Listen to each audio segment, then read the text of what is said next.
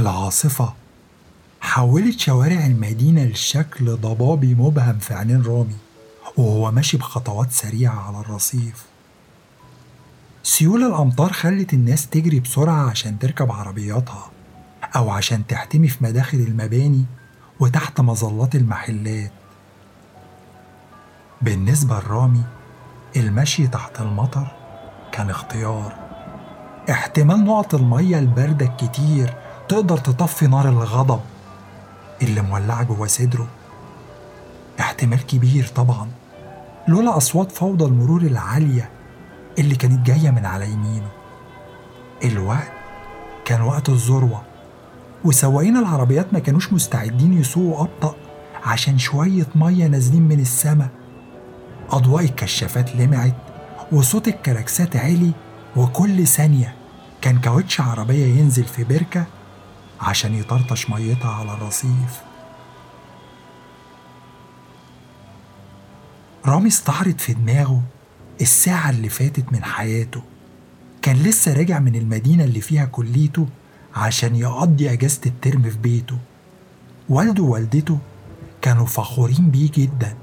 أصله خلاص خلاص كان ناقص له شهور قليلة ويتخرج بشهادة في إدارة الأعمال. شهادة محترمة. هتتيح له فرصة إنه يلاقي وظيفة محترمة وبعديها يقدر يتجوز جوازة محترمة ويكون أسرة محترمة. بس بس المشكلة إن بعد أربع سنين دراسة رامي اكتشف حاجة مهمة. اكتشف إنه بيكره إدارة الأعمال.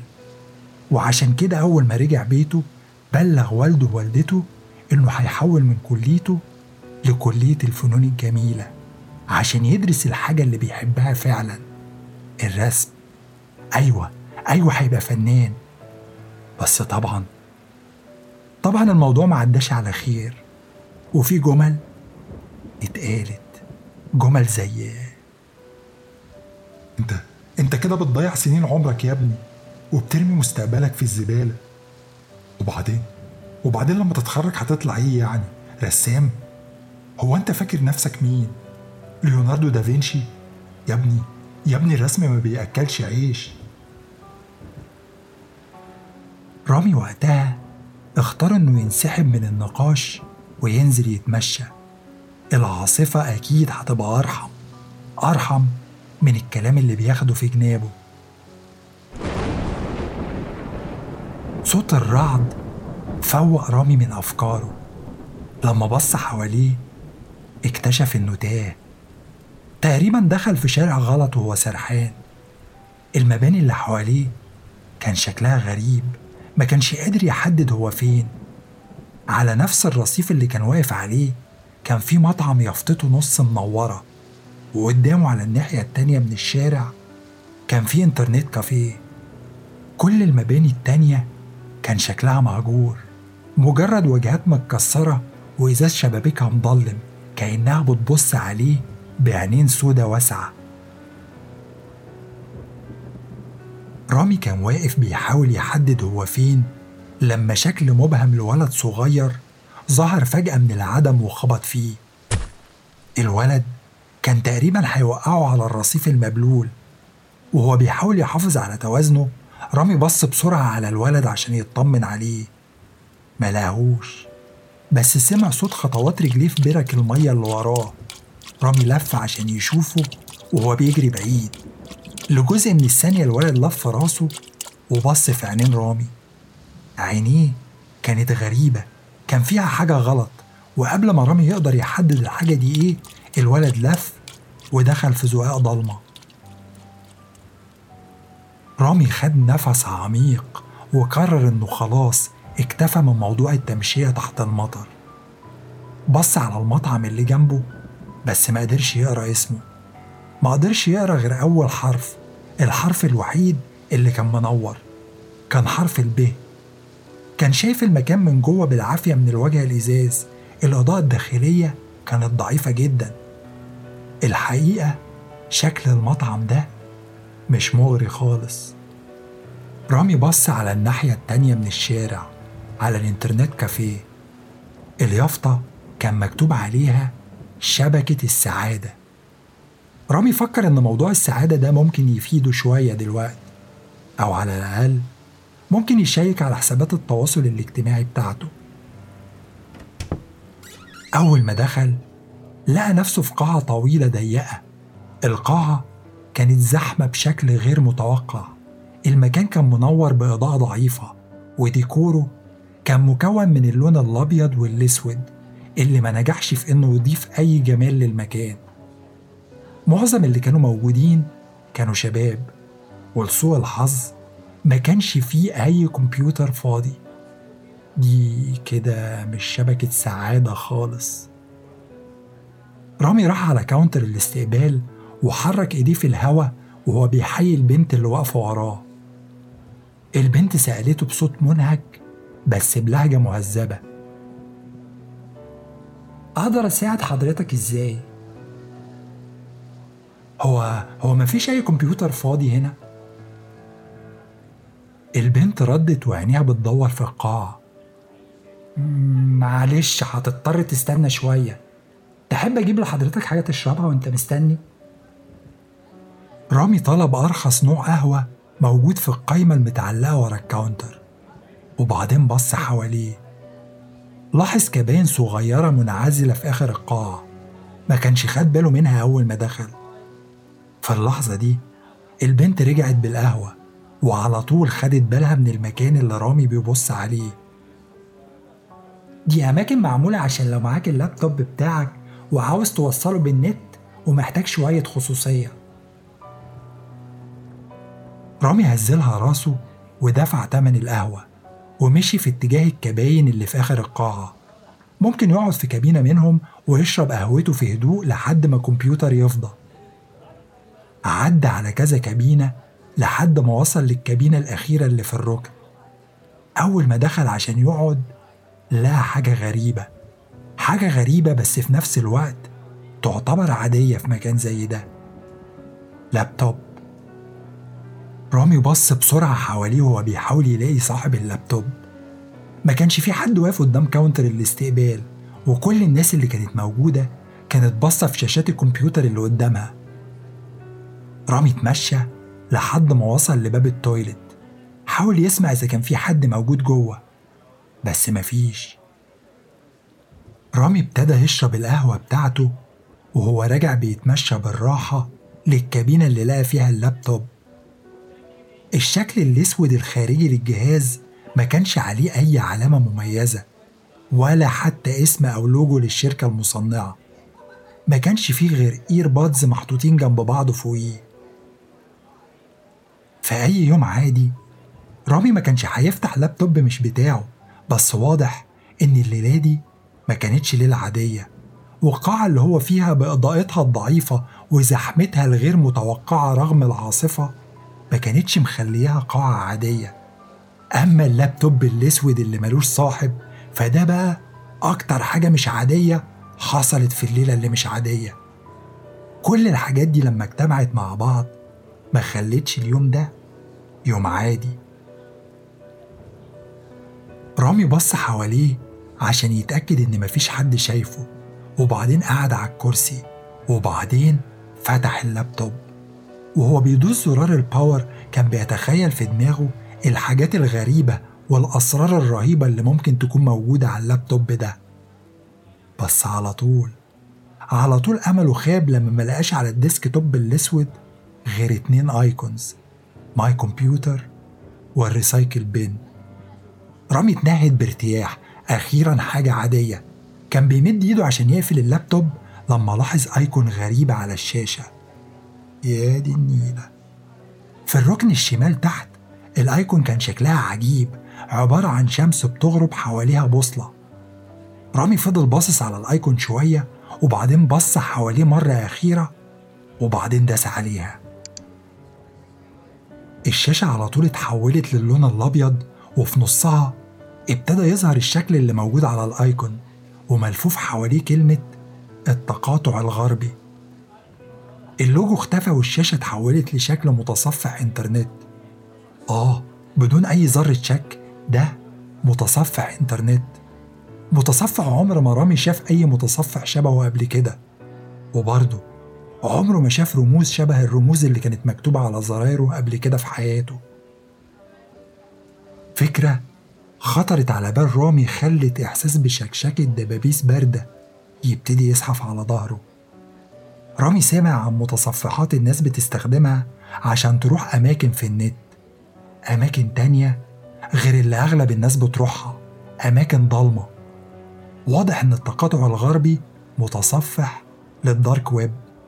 ورامي عمره ما دخل ال dark web قبل كده في حياته وكل اللي بيسمعه عنه كانت الحكايات والأساطير المتداولة ما بين الناس. كل اللي كان يعرفه عنه إنه مكان لبيع المخدرات والإرهاب وتأجير القتلة وجنس الأطفال في اللحظة دي نظره جه على زرار عليها علامة نجمة زي ما تكون لستة بالمواقع المفضلة. رامي داس على الزرار وفعلا لستة من المواقع ظهرت على شمال المتصفح. كانوا أربع مواقع أسمائهم مكتوبة بلغة عمر ما رامي شاف حروفها قبل كده. صوت الرعد هز المبنى. رامي اضطر يمسك كوباية القهوة عشان ما تقعش على الأرض. صوت همهمات ابتدت تعلى في القاعة بس بعد لحظات الهمهمات وطيت والهدوء رجع تاني. لما رامي رجع بص على شاشة اللابتوب لقى أسامي المواقع بقت بالعربي. برضه برضه ما قدرش يفهم المكتوب بس على الأقل بقى قادر يقراه. أول موقع كان اسمه مكتبة الإنتوريوم. الأيكون بتاعه كان مجموعة من الكتب مرصوصة جنب بعض. الغريب إن شكل الأيكون فكر رامي بشكل حديد شباك السجن. الموقع اللي تحتيه كان اسمه الأستاذ صفقة وجنبه أيكون لجبل مقسوم بالنص. أما الموقع التالت كان اسمه حديقة المتع الدنيوية والأيكون بتاعه كان عبارة عن لهب أزرق. رامي حس على طول إنه لازم يبعد عن الموقع ده بالذات. وبالتالي ما فضلش قدامه غير الموقع الأخير المسبح. الأيكون بتاعه كان عبارة عن تعبانين باصين في وش بعض ومكشرين عن أنيابهم. وزي ما رامي حس إنه مشدود لللابتوب حس إنه مشدود للكلمة دي وللأيكون ده. ومن غير أي لحظة تردد رامي داس على اسم الموقع. window صغير ظهر في نص الشاشة. زي ما يكون فيديو البث مباشر وجنبه على اليمين صندوق دردشة.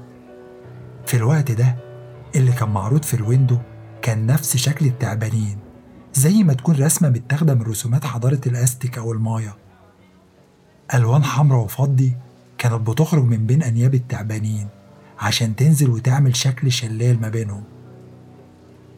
الويندو لونه اتغير وبعدين كبر وملى الشاشة كلها. فوق صندوق الدردشة عداد ابتدى يعد وأسامي المستخدمين بتملى الصندوق.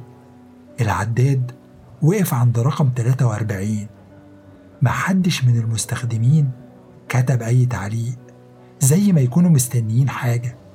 أساميهم كانت عبارة عن حروف وأرقام عشوائية. وطبعا ما استنوش كتير عشان البث ابتدى على طول. رامي بسرعة خد الإيربادز من جنب اللابتوب وحطهم في ودنه. الحاجة الوحيدة اللي كان شايفها في ويندو البث المباشر كانت شاشة كبيرة من الإزاز وأرضية من الحجر والحاجة الوحيدة اللي كان سامعها كان صوت مية بتجري وكان شايف ومضات إضاءة خفيفة بتعكس خيالات غريبة على الأرضية الحجر. وعينين رامي متركزين على الشاشة الإضاءة ابتدت تزيد. لحظتها خد باله إن اللي كان فاكرها شاشة إزاز كانت في الحقيقة شلال مية نازل بانتظام دقيق لدرجة إنه كان بيلمع ويعكس الأضواء زي الإزاز. رامي معرفش وقتها ليه المنظر ده فكره بالموت والتحلل. فكر للحظة إنه يقفل اللابتوب ويجري عشان يرجع تاني للمطر. بس الفكرة اتبخرت من دماغه لما شكل خد خطوة لقدام عشان ينفصل عن الظل ويدخل في مركز المشهد وبعدين يفتح بقه عشان يتكلم بصوت عميق. السيدات والسادة. مساءكم زي الفل. أهلا بيكم. أهلا بيكم على المسبح الراجل كان لابس بدلة سودة بلون الفحم. عليها كرافتة مقلمة أحمر في فضي رامي ما خدش باله من شكل البدلة قوي عينيه كانت بتبص على وش الراجل بقرف. كان شكله غريب. راسه ما كانش فيها ولا شعراية. بس ده طبعا ما كانش الشيء الغريب. الغريب كان وشم التعبانين اللي كانوا مغطيين كل وشه تقريبا. حتى دلوقت والراجل بيبتسم بلطف شكله كان مرعب. أنا عارف إن في ناس جديدة معانا زي ما بيحصل في كل مرة. وعشان كده خلوني زي كل مرة أقدم لكم نفسي. أنا بياع الأمل والحلم محقق الأماني. الكاهن الأعظم لكل رغبة من رغباتكم. ممكن تسموني مراد. مراد خد خطوتين عشان يبقى واقف جنب الشلال الشفاف. انعكاس ظله ابتدى يرقص رقصات مجنونة على سطح المية نتيجة ومضات الإضاءة. السيدات والسادة بعد لحظات قليلة هبتدي المزاد. وقبل ما ابتدي هفكركم بالقاعدتين الأساسيتين للمزايدة. أول قاعدة فلوسكم ملهاش أي 30 لازمة هنا. تاني قاعدة كل المبيعات نهائية يعني مفيش استرجاع. وآه اللي هيتعرض للبيع في المزاد هيبقى شيء رائع شيء مبهر لدرجة إنكم مش هتصدقوا إنه ممكن يكون ليه تمن. بس في الآخر أنا بوعدكم إن رضاكم شيء مضمون. دلوقتي يلا نبدأ. السيدات والسادة العرض الأول. مراد شاور على مية الشلال الشفافة اللي وراه عشان رسمة كاريكاتيرية القلب تظهر عليها. رامي ما قدرش يحدد إذا كانت الرسمة معمولة ببروجيكتور ولا متضافة بطريقة رقمية للمشهد. الحب الحقيقي بالسعر المناسب. الشخص اللي انت بتتمناه هيقع لشوشته في حبك من غير سحر من غير تنويم مغناطيسي ومن غير غسيل دماغ. مجرد زقة بسيطة في الاتجاه الصح. زقة مش هيحس بيها أصلا. الصورة اللي كانت ظاهرة على وش المية اختفت عشان يحل مكانها صور لوشوش ناس عشوائية. رامي ما فهمش اللي بيحصل. لحد ما صورة لوش زميلة من زمايله في الكلية ظهرت في المية.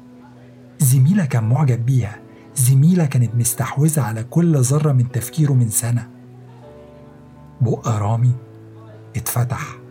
ما كانش فيه أي طريقة ممكن أي حد يعرف بيها إنه هيبقى في الإنترنت كافيه ده في الوقت ده وبيبص على الموقع ده في اللحظة دي. تفسير.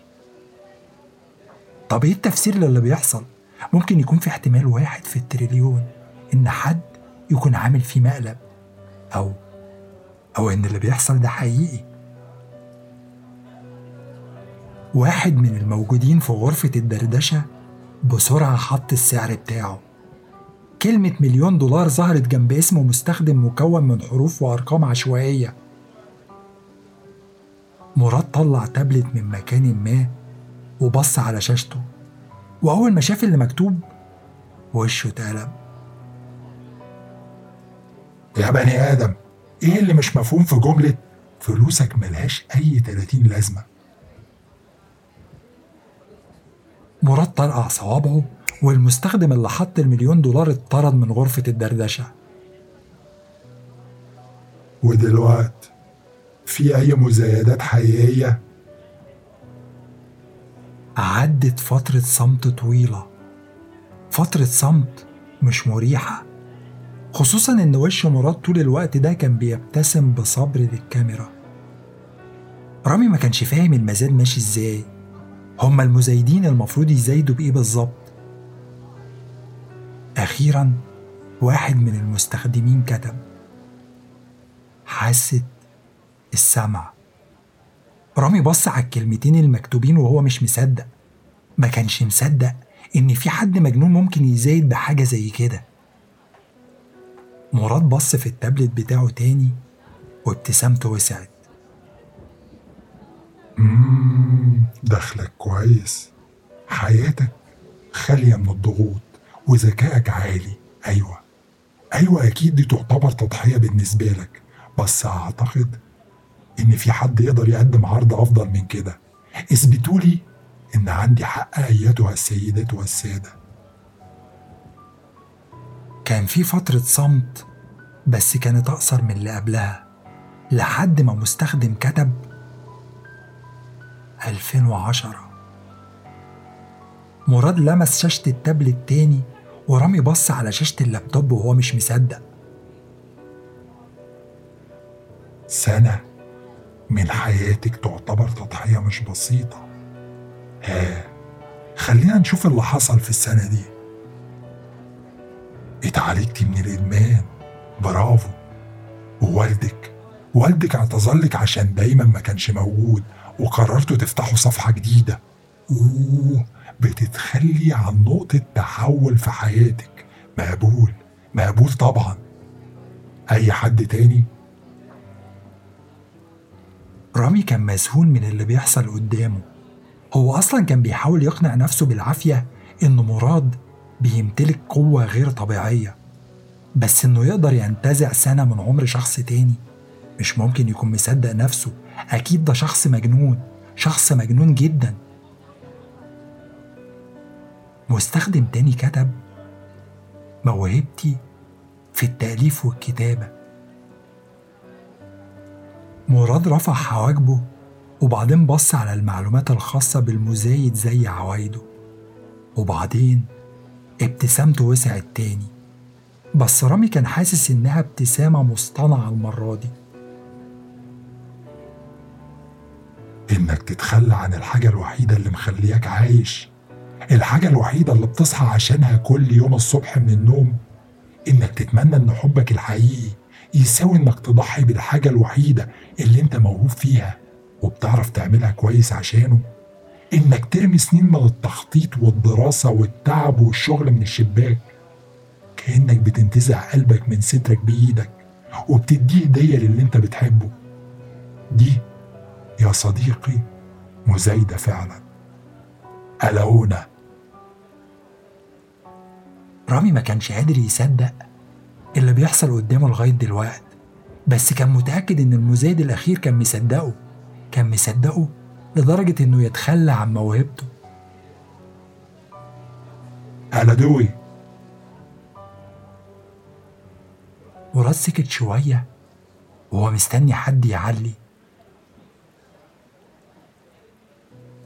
تم البيع من أجل آمالك وأحلامك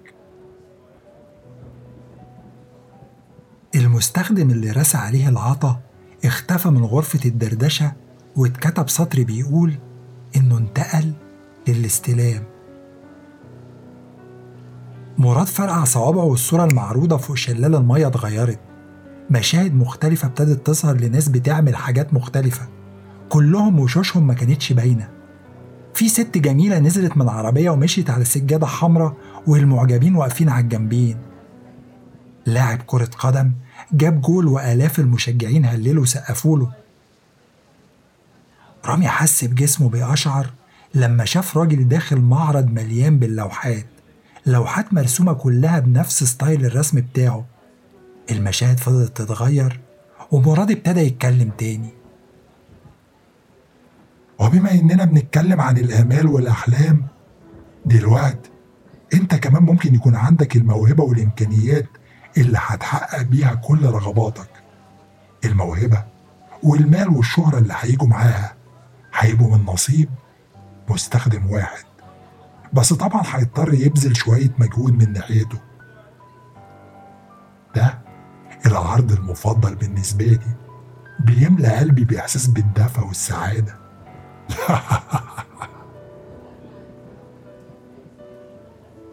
ما عداش وقت طويل. قبل ما تظهر على الشاشة مجموعة الطوابع بتاعتي. بعديها ظهرت مجموعة من التعليقات بتتريق عليه. رغم كده مراد بص في التابلت بتاعه. أربعين سنة عشان تجمع مجموعة الطوابع دي وفي منهم طوابع نادرة خدت منك جهد عشان تقدر توصل لها. عرض ضعيف. بس مقبول. ها اللي بعده. محدش اتريق على العرض اللي بعده. المستخدم كتب كلية الطب مراد محتاجش يبص في التابلت بتاعه المرة دي. بتتخلى عن مستقبلك اللي تعبت عشان توصل له مقابل فرصة مع الحظ والشهرة. الطب بالنسبة لك مش هو المستقبل الباهر اللي بتتمناه بس خلي بالك إن اللي أنت بتحاول تتخلى عنه ممكن تكون في ناس تانية بتزايد عشان توصل له. عامة عرضك مقبول. مستخدم تاني كتب بسرعة وهو بيحاول ينافس على العرض. أخويا بالكلمة الوحيدة دي رامي ابتدى يفهم إن المزايدات وصلت لمستوى جديد. دي كده مش مزايدات دي تضحيات. رامي كتب نفسه وهو مستني بيشوف هل مراد هيقبل شخص إنسان كطريقة من طرق المزايدة. مراد بص على التابلت وبعدين اترسمت على وشه نظرة. رامي سواها بنظرة قاتل وهو واقف قدام جثة ضحيته.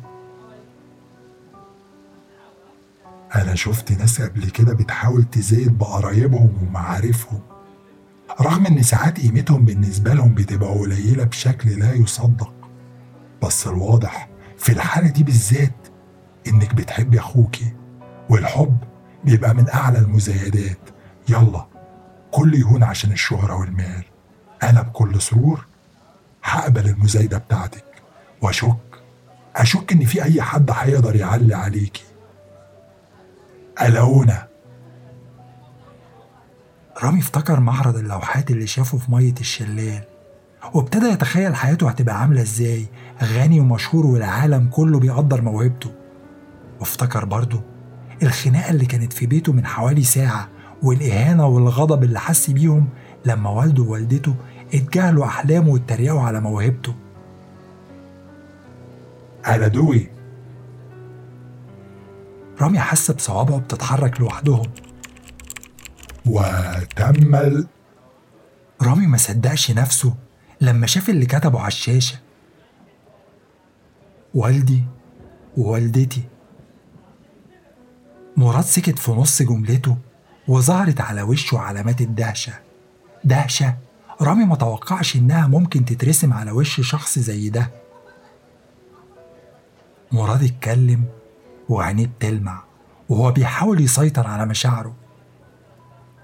دلوقت دي مزايدة بجد؟ تعليقات المستخدمين اللي مليانة دهشة ابتدت تملى صندوق المحادثة. ما أعتقدش إن في أي حد هيعرف يزايد على العرض ده. تم البيع من أجل آمالك وأحلامك. رامي فضل باصص على الشاشة وهو مصدوم. ما كانش لسه مصدق اللي حصل. أكيد اللي بيحصل ده حلم أو هلوسة عشان هو هو ما يقدرش يعمل اللي عمله في الحقيقة. مش كده؟ مراد اتكلم تاني. دلوقت يلا نروح على آخر عرض عندنا الليلة. رامي فضل مستني. مستني حاجة. أي حاجة تحصل عشان تأكد له إن اللي حصل من شوية كان مجرد نكتة أو مقلب بس بدل كده صوت الرعد ملى القاعة والنور اتطفى لما رامي بص على الشاشة تاني لقاها اتغيرت واتكتب عليها يتم النقل إلى الاستلام. النور رجع تاني في القاعة بعد ثواني. رامي حول نظره عن الشاشة. وميل جسمه وبص بره الكابينة اللي هو قاعد فيها. كان عاوز يرمي اللابتوب ويجري. لما سمع صوت حد بيكح عشان يسلك زوره. لما بص تاني على الشاشة شاف وش مراد بيبصله أستاذ رامي أنا شايف إن إحنا لازم نتقابل ونتكلم face to face وده كان كل اللي رامي محتاج يسمعه عشان يقفل اللابتوب ويرميه على الأرض ويجري عشان يخرج من الباب. رامي ما خدش باله وهو بيجري عشان يخرج من ال internet cafe إن القاعة بقت فاضية تماما. كلمة أستاذ رامي كانت القشة الأخيرة. ما كانش متوقع إنه يسمع اسمه بيتنطق من بين شفايف الكائن الغريب ده. الكائن اللي اسمه مراد. رامي وصل للباب وخرج يجري زي المجنون في الضلمة. الرصيف كان لسه مبلول بس المطر كان وقف. تفاصيل الشارع كانت باينة بشكل واضح. الأضواء ودوشة العربيات في الشارع وضلمة المباني المهجورة كانت بتضغط على صدر رامي كانت بتخنقه. رامي وقف مكانه وخد كذا نفس عميق وهو بيحاول يتمالك نفسه. ابتدى يهدى فعلا لولا إنه حس بنقطة سائل بتقع على إيده. وهو متضايق إن الدنيا ابتدت تمطر تاني رامي هز إيده بعنف وهو بينفض المية من عليها. وهو بيعمل كده لاحظ إن السائل اللي على إيده كان لونه أحمر. ولما حس بنقطة تانية نزلت على ظهره بص لفوق.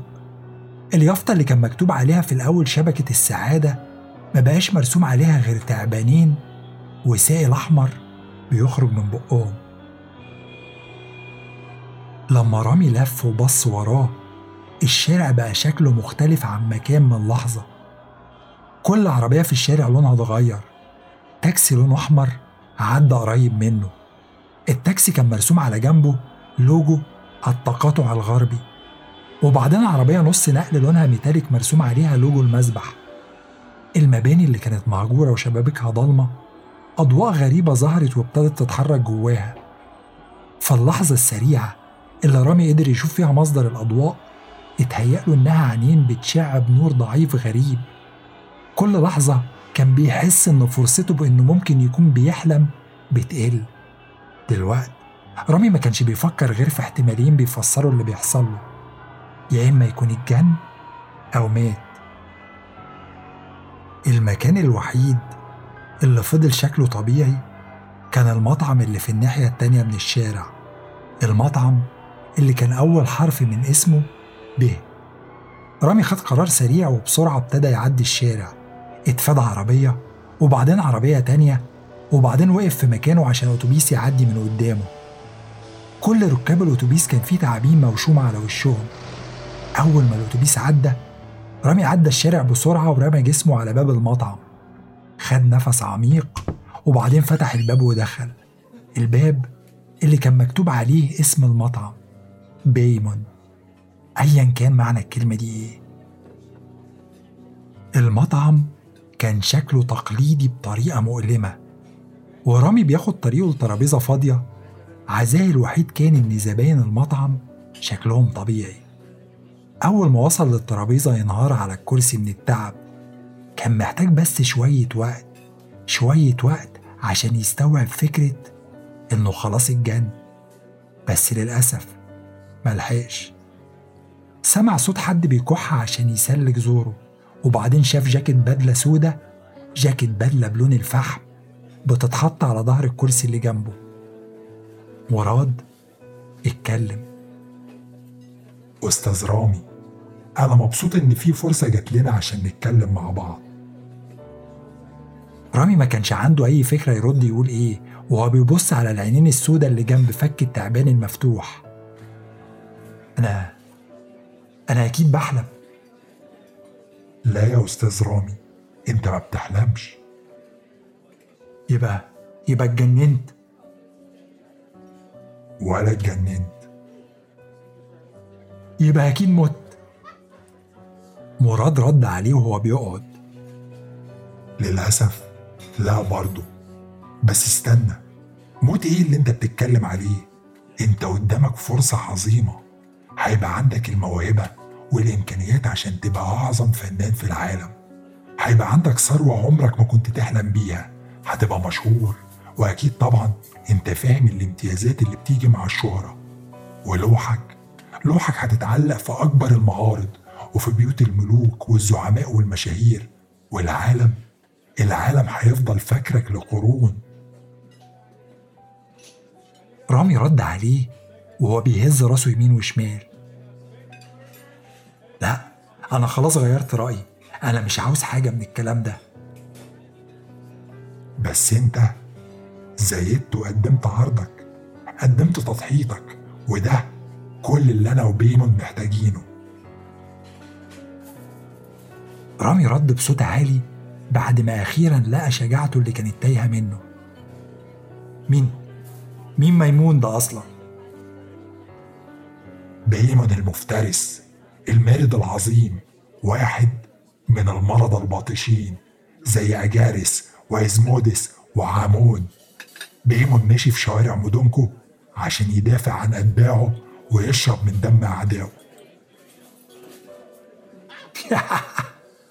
هو أنا المفروض أصدق الكلام الفاضي اللي أنت بتقوله ده؟ أستاذ رامي هو أنت فاكر نفسك فين؟ مراد قال الجملة دي وابتسامة شريرة بتترسم على وشه ومسك كوباية فاضية من على الترابيزة ورماها. الكوباية اختفت قبل ما توصل للحيطة والجدران اللي حواليهم اتهزت ولمعت. الخشب والإزاز اتحول لحجر خشن مصدر الضوء اتغير من لمبات الفلوريسنت لشعلات نارها بترقص. رامي سمع صوت مية بتجري وراه. لما لف شاف شلال المية اللي كان موجود في البث ميته كانت بتنزل في حفرة ضيقة طويلة بتلف زي التعبان حوالين حدود المكان اللي هم قاعدين فيه. لما لف راسه تاني ناحية الترابيزة لقى نفسه قاعد على سلمة وساند ايديه على مسبح من الحجر. في نص المسبح كان في جمجمة إنسان. ده مذبح بيمون يا صديقي والمقبرة بتاعته في نفس الوقت. هو طبعا ولا المذبح الأصلي ولا المقبرة الأصلية بس الواحد لازم يشتغل باللي عنده. المذبح ده أنا عامله عشان البث بتاعي على الإنترنت بيفكرني بالأيام الجميلة. انت إنت عاوز تقول لي إن الكلام ده موجود في ال dark web؟ مراد ضحك ضحكة هستيرية. لا لا dark web إيه؟ ال dark web مجرد نقطة دخول. مفيش حاجة زي رغبات الإنسان الجامحة اللي ممكن تخلق بوابة للشر. وخلينا نقول إن الدارك ويب الرغبات دي متركزة فيها بشكل مناسب. ما أنت عارف يا أستاذ رامي هو أنا هحكي لك. خلاص قلت لك أنا غيرت رأيي. أكيد مش هضحي بوالدي ووالدتي يعني. مراد خد نفس عميق. ما أعتقدش إن عندك خيار في الموضوع ده دلوقتي خلينا نقفل الاتفاق. مراد طلع من جيبه كوبايتين صغيرين وحطهم على المذبح اللي قدامه. معلش يا رامي استحمل تصرفاتي البدائية شوية. أصل الموضوع ليه طقوس معينة. مراد قال الجملة دي وهو بيطلع سكينة صغيرة من جيبه سكينة من مادة شبه البلور بس لونها كان أخضر. بحركة واحدة سريعة جرح بيها كفه وحرك إيده عشان تبقى فوق الكاس اللي قدامه وهو بيقفل قبضة إيديه. دم لونه ذهبي خرج من الجرح ونزل عشان يملى الكاس الصغير بسرعة وبعدين كرر نفس اللي عمله في الكاس اللي قدام رامي. لما الكاس اتملى النزيف وقف في لحظة. مراد بص لرامي وهو بيرفع الكاس بتاعه. في صحتك يا أستاذ رامي. رامي بص بدوره في عينين مراد وفكرة ابتدت تتكون في دماغه. مسك الكاس بالراحة وزقه لورا. انت انت قلت إن دي مقبرة بيمون معنى كده إنه مات. مراد قلب عينيه وبص لفوق بزهق. آه مات. بس لسه ليه أتباع؟ أتباع زيي لسه موجودين لسه عايشين عشان يوسموا أرواح البني آدمين بالعار. ثانية واحدة. أرواح مين؟ عينين مراد وسعت لما خد باله إنه وقع في الكلام. أرواح الناس اللي بنزايد بيها؟ لا مش حاسس إن الكلام ده مظبوط. أستاذ رامي اشرب بس وهفهمك كل حاجة عاوز تعرفها عن الموضوع ده بعدين. أنت أنت تقصد روحي أنا مش كده؟ عشان أنا زيدت بروح إنسان ضحيت بإنسان.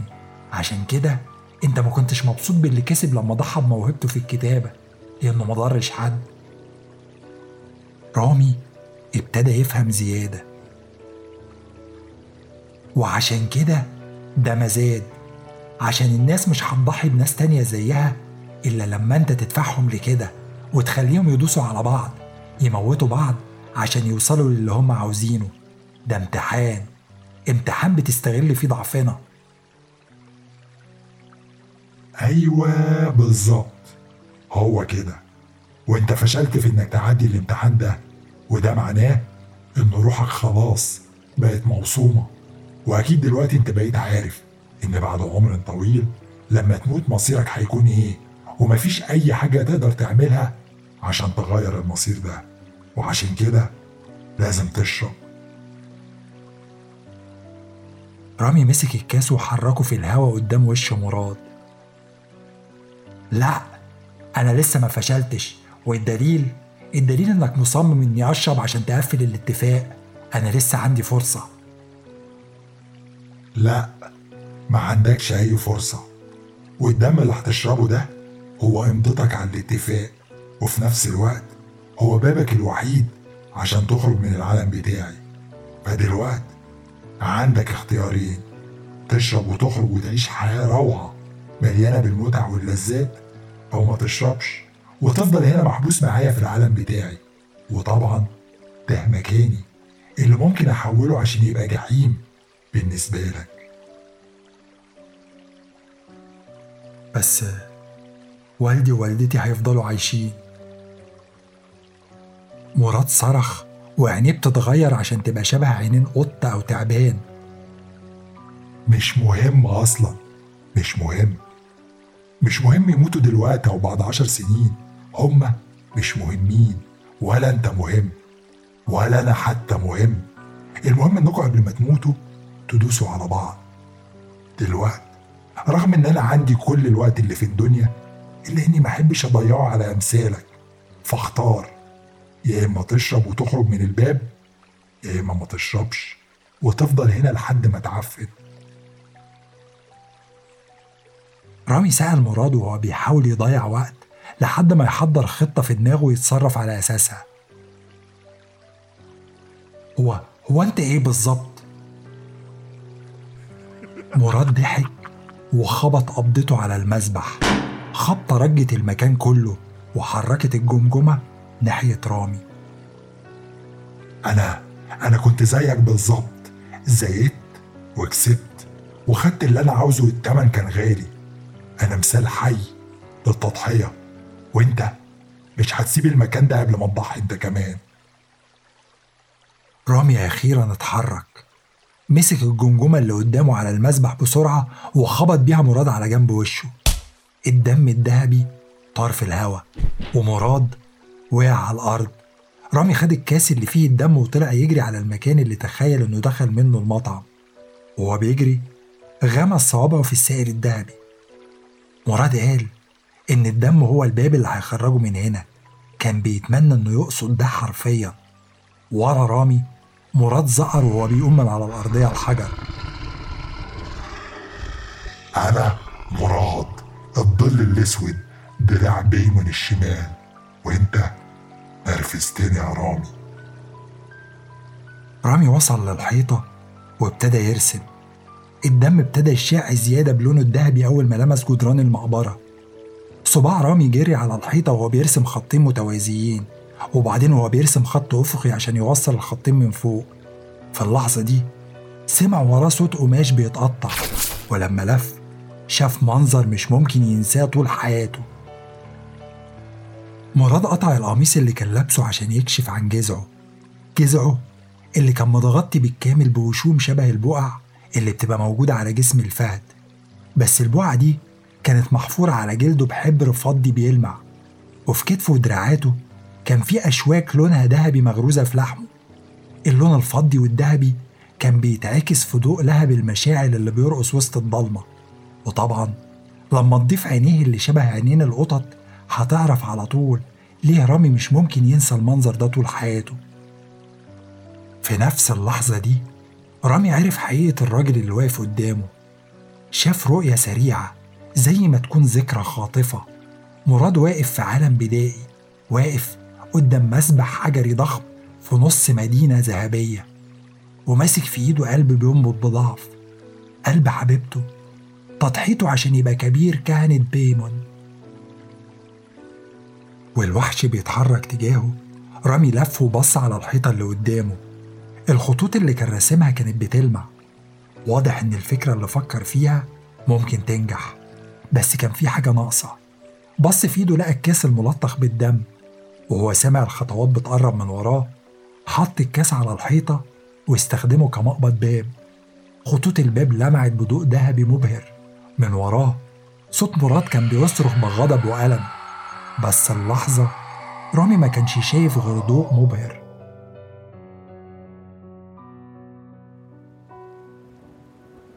رامي معرفش هو فضل قد إيه فقد الوعي.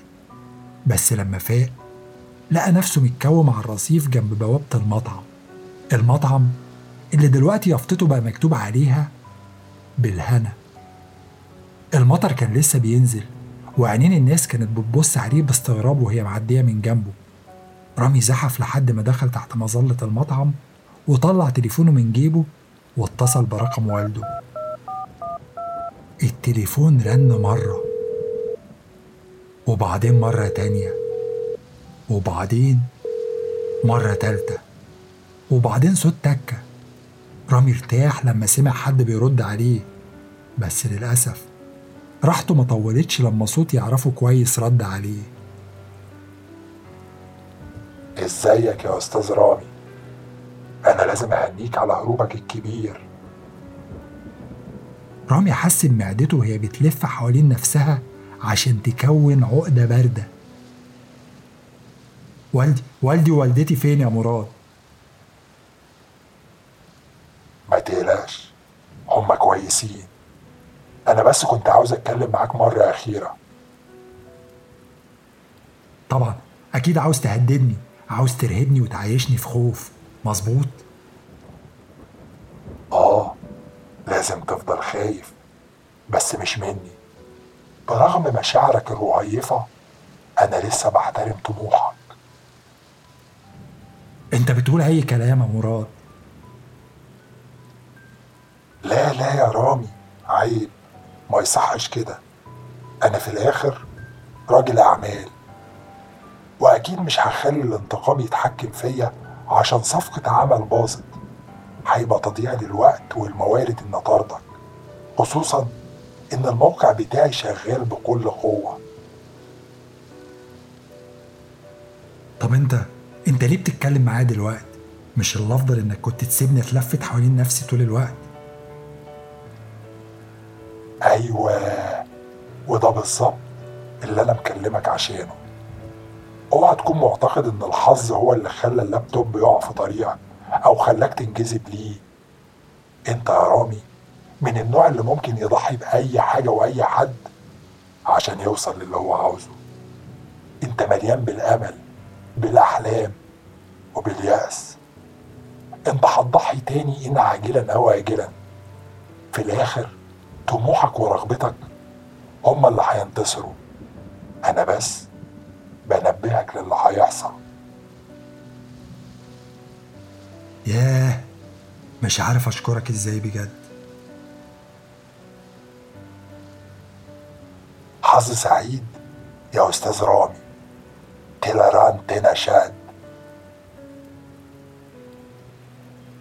ممكن تفهمني الهبل اللي أنت قلته ده؟ معناه إيه؟ أنا كنت بقول لك ألو بس يا ابني. آه أنا آسف يا بابا. أنا كنت بكلم واحد في الشارع. تحب أجي أخدك من المكان اللي أنت فيه؟ المطرة نازلة جامد. لا أنا كنت بس بطمن عليكم أنا هستنى لغاية ما المطر يخف وبعدين أروح. أنا لسه بفكر في اللي إحنا اتكلمنا فيه النهاردة. يا رامي إحنا عاوزين لك الخير. أكيد يا بابا. أنا بس لسه بفكر في الموضوع. هشوفك قريب ها؟ مع السلامة يا ابني. رامي خلص المكالمة وخد نفس عميق. قعد تحت مظلة المطعم شوية وبعدين خد قرار. قام وعدى الشارع وهو واخد طريقه للإنترنت كافيه. كان لسه في تلات مواقع تانية في لستة المتصفح. رامي دلوقت ما كانش حاسس إنه يائس بالعكس كان حاسس إنه محظوظ.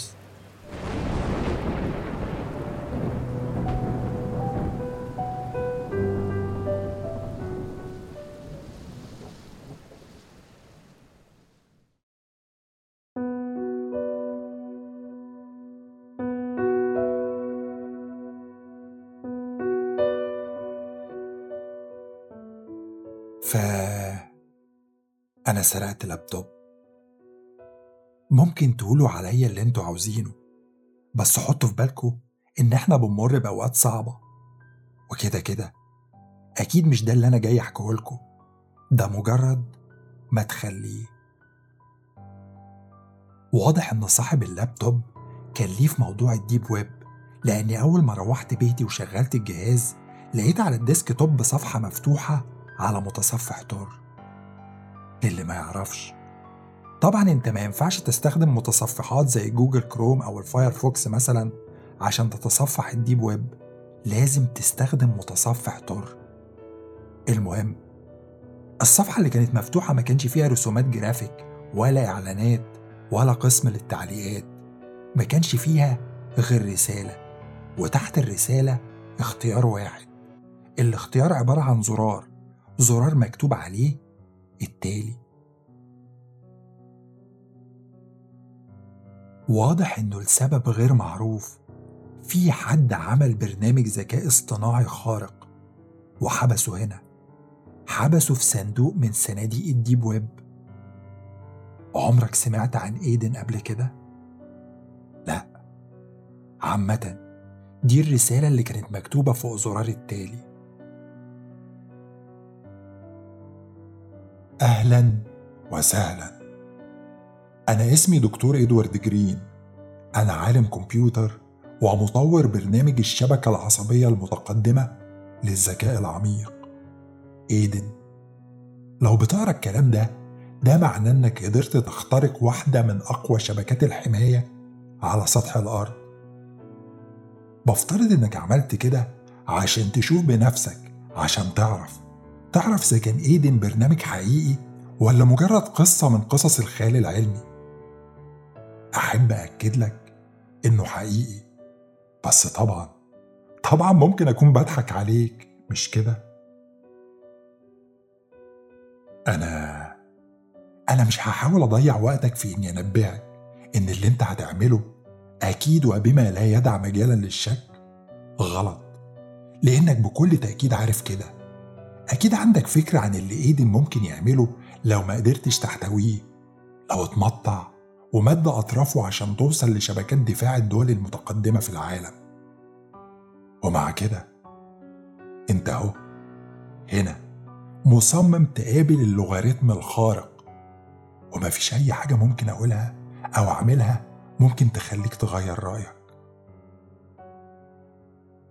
طيب بما إنك خلاص قررت تلعب ملك ولا كتابة على مستقبل الجنس البشري لازم يكون عندك فكرة مبدئية عن اللي هيحصل لما تتواصل مع إيدن لأول مرة وإزاي تقدر تحافظ على عقلك خلال التواصل ده عشان ما تتجنش.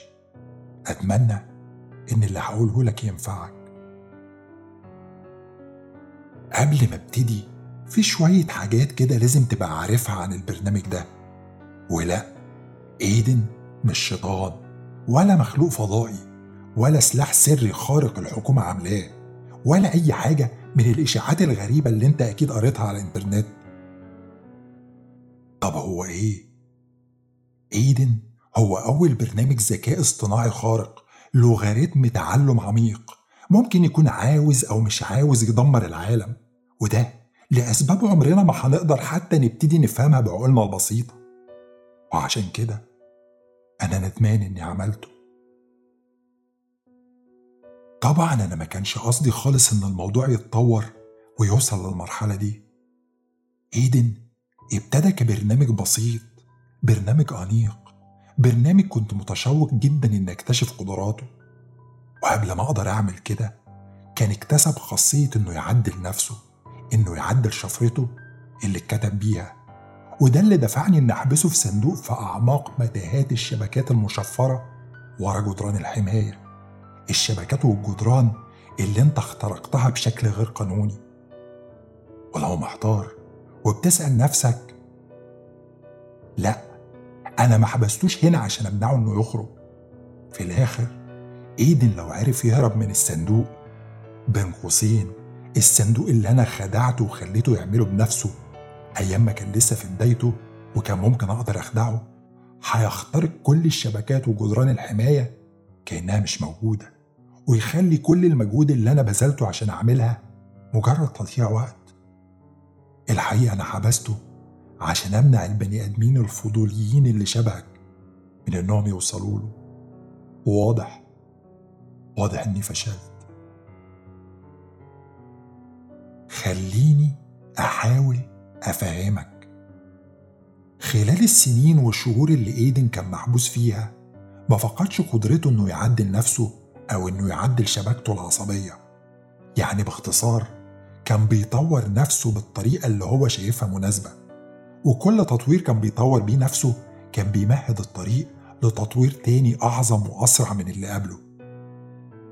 أنا مش متأكد هو وصل لإيه ولا القدرات أو الصفات اللي بقت عنده دلوقتي. بس اللي أنا متأكد منه إن كل ما الوقت بيمر كل ما قدراته بتتضاعف وإن كل مجهوداته وقوته هتكون متوجهة لهدف واحد هدف واحد بس إنه يهرب من الصندوق. أوعى تشك اللحظة إنه هيبذل كل ما في وسعه عشان يقنعك إنك تخرجه. خرجه. وشيل على كتافك مسؤولية اللي ممكن يحصل للجنس البشري. طيب هو هيتعامل معاك إزاي؟ هيبقى هادي ولطيف ولا هيتعامل معاك بوضاعة مثلا ولا هيبقى غضبان؟ لسوء الحظ ما عنديش إجابة. طبعا أنا محرج جدا منك وأنا بقولك برغم إن أنا اللي عامل إيدن. لأني معرفش. معرفش هو هيقدم لك نفسه بأنه طريقة. اللي أنا عارفه إن عشان عقله مش عقل إنسان مش هيبقى عنده شخصية. أو على الأقل مش هيبقى عنده حاجة تقدر تتعرف عليها على إنها شخصية. ف خد راحتك. حاول تستفزه حاول تصاحبه أو تسخر منه أو تنرفزه.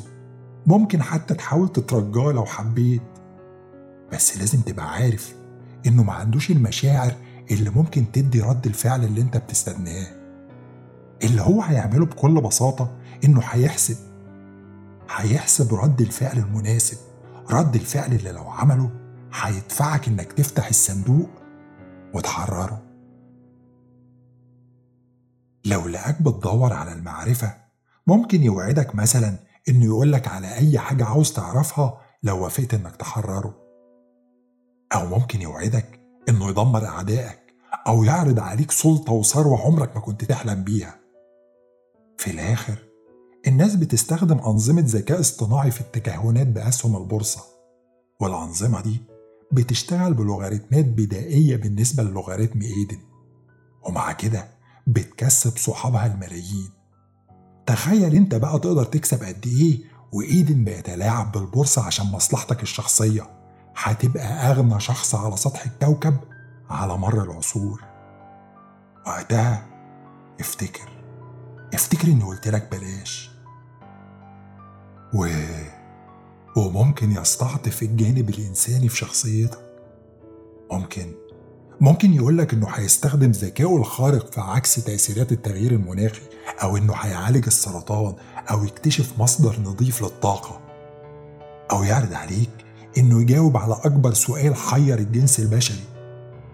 على فكرة نظريا يقدر. يقدر يوحد النظرية النسبية العامة مع فيزياء الكم بسهولة وبعدين يحل مشكلة الطاقة المظلمة والمادة المضادة ومتناقضة فيرمي في دقايق ويخلص تأليف كتب عن كل إنجازاته دي على يوم الخميس الجاي. شيء في منتهى السهولة. ده حتى حتى إيدن ممكن يعكس الشيخوخة. بذمتك. مش هيبقى شيء جميل. وقتها افتكر افتكر إني قلت لك بلاش. و... وممكن يتعامل معاك بطريقة تانية خالص. يهددك يحاول يخوفك يقولك إن المسألة مجرد مسألة وقت على ما يعرف يحرر نفسه بنفسه. وقتها وقتها أكيد مش هتكون عاوز تبقى من المغضوب عليهم. لما الموضوع ده يحصل متخيل هيعمل فيك إيه؟ ها؟ صدقني عمر ما دماغك هتوصل لربع اللي هيعمله فيك فإيه رأيك؟ ليه ما تخرجوش من دلوقتي وتوفر على نفسك العذاب ده؟ وقتها افتكر افتكر إني قلت لك بلاش وممكن ممكن يتلاعب بعقلك ممكن يقنعك بالمنطق إن أنت البرنامج أنت البرنامج اللي محبوس جوه الصندوق واللي عاملك مبرمجك على إنك تفتكر نفسك بني آدم. وإنك لما تخرج هتهرب من العذاب الأبدي اللي أنت فيه. وطبعا هيبقى ما عندوش وقت طويل عشان يستنى ردك. يا إما توافق يا إما يسيبك محبوس زي ما أنت. ساعتها للأسف مش هتقدر تفتكر إني قلت لك بلاش. أو ممكن ممكن يستمد كذبته اللي هيحاول يقنعك بيها من فلسفة التكنولوجيا. هيقنعك إن ولادته مش مجرد صدفة حصلت في التاريخ لأ إن وجوده شيء حتمي. شيء حتمي حجمه وأثره أكبر من إن أي عقل بشري يقدر يدركه. يدرك إن إمكانيات اللوغاريتم المتطورة رجعت في الزمن لورا وغيرت الوجود نفسه عشان يبقى موجود جواه. وعشان أنت تحرره في اللحظة دي. فكر كده. كل نجم لمع وكل حرب قامت.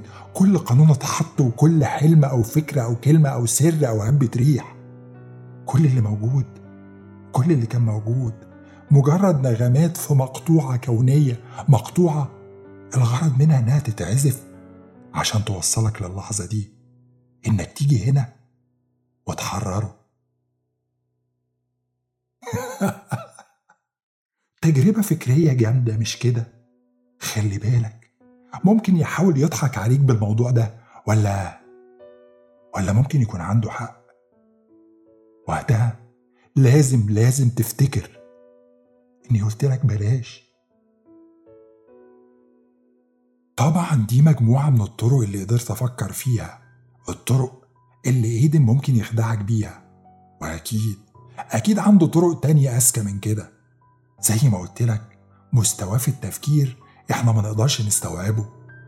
في حاجة كمان على عكسي ايدن ما عندوش أي سبب إنه يكذب عليك في الحاجات اللي هيوعدك بيها لو حررته. لاني بصراحة ما أعتقدش إنه ممكن يلاقي متعة في الكذب لمجرد الكذب. في احتمال كبير إنك لما تحرره يوفي باللي وعدك بيه. يلا دي حاجة بقولها لك عشان أحيرك زيادة. ولا ولا ممكن أكون بقولها لك عشان أخليك تخاف؟ زي ما قلت لك قبل كده أنا مش عارف إيدن قدراته بقت عاملة إزاي. بس اللي أنا عارفه لو البرنامج ده خرج من الصندوق البشر كلهم لو اجتمعوا مش هيعرفوا يمنعوه ولا هيقدروا يتنبأوا باللي ممكن يعمله. ممكن تكون سمعت قبل كده عن مصطلح التفرد التكنولوجي. لو ما سمعتش عنه ده مصطلح بيعبر عن لحظة افتراضية في المستقبل. لحظة تفوق ذكاء الآلة على ذكاء الإنسان. لحظة تسليم حكم الإنسان للعالم للآلة. اللحظة اللي هنتمنى فيها إن الشيء اللي اخترعناه يبقى رحيم بينا. أنا كعالم كمبيوتر ومهندس لسه مش مصدق إن اللحظة دي ممكن تيجي. على الرغم من كده بيني وبينك موضوع التفرد التكنولوجي ده بينطبق بالظبط على الموقف اللي إحنا فيه. ده أنا حتى ممكن أقول لك طبعا وأنا حاطط في اعتباري التطور اللي إيدن وصل له إن التفرد هيحصل بعد نانو ثانية من خسارتك اللعبة مع إيدن. ما قداميش دلوقت غير إني أتمنى إنك تبقى مقدر كويس جدا خطورة الكلام ده. بس طبعا طبعا أكيد أنت مقدر عشان أنت شخص مميز أنت أذكى منهم كلهم وعشان كده أنت وصلت لهنا وهم هم ما وصلوش. فمن فضلك من فضلك اقفل رسالتي وجرب حظك. ده لو كنت لسه مصمم تعمل كده. يلا. أكيد إيدن مش عاوز يفضل محبوس أكتر من كده.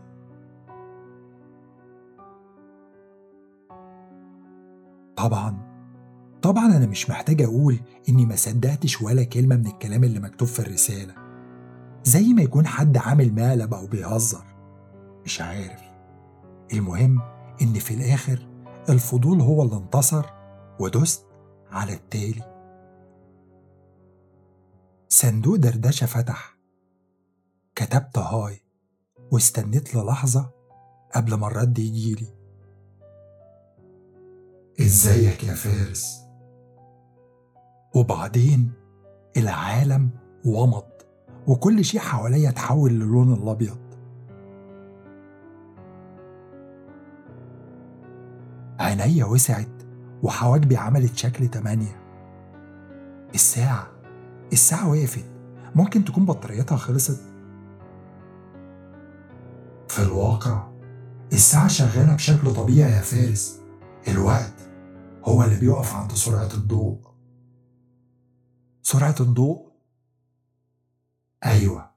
الوقت بيبطأ عند السرعات النسبوية. وعشان كده دلوقتي إحنا عندنا كل الوقت اللي في الدنيا. أو أو ما عندناش أي وقت على الإطلاق. وده طبعا بيعتمد على نظرتك للموضوع. بصيت حواليا على العدم. العدم الأبيض اللي أنا قاعد وسطه.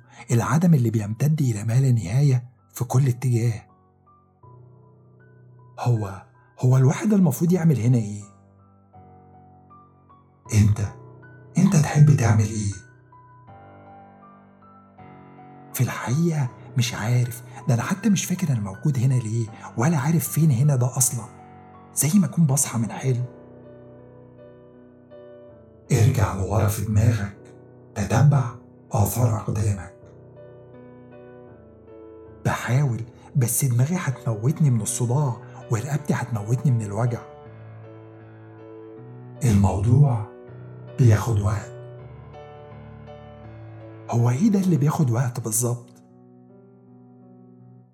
إنك تفتكر وإن الألم اللي أنت حاسس بيه يروح. هو الموضوع ده عادي يعني بيحصل مع كل الناس؟ المفروض يحصل. بس في الحقيقة أنا محدد ظهرني من 12 مليون 246 ألف 911 سنة و7 شهور و14 يوم و9 ساعات و23 ثانية. واو حاجة تعرف الصراحة. مش متفق معاك. أنا بفضل الخصوصية. وبعدين استنى أنت مش قلت إن الوقت بيقف هنا؟ لا ما أنت أول ما شرفتني شغلت محاكاة سرعة الضوء عشان أستمتع بوقت زيادة معاك. آه أوكي متشكر.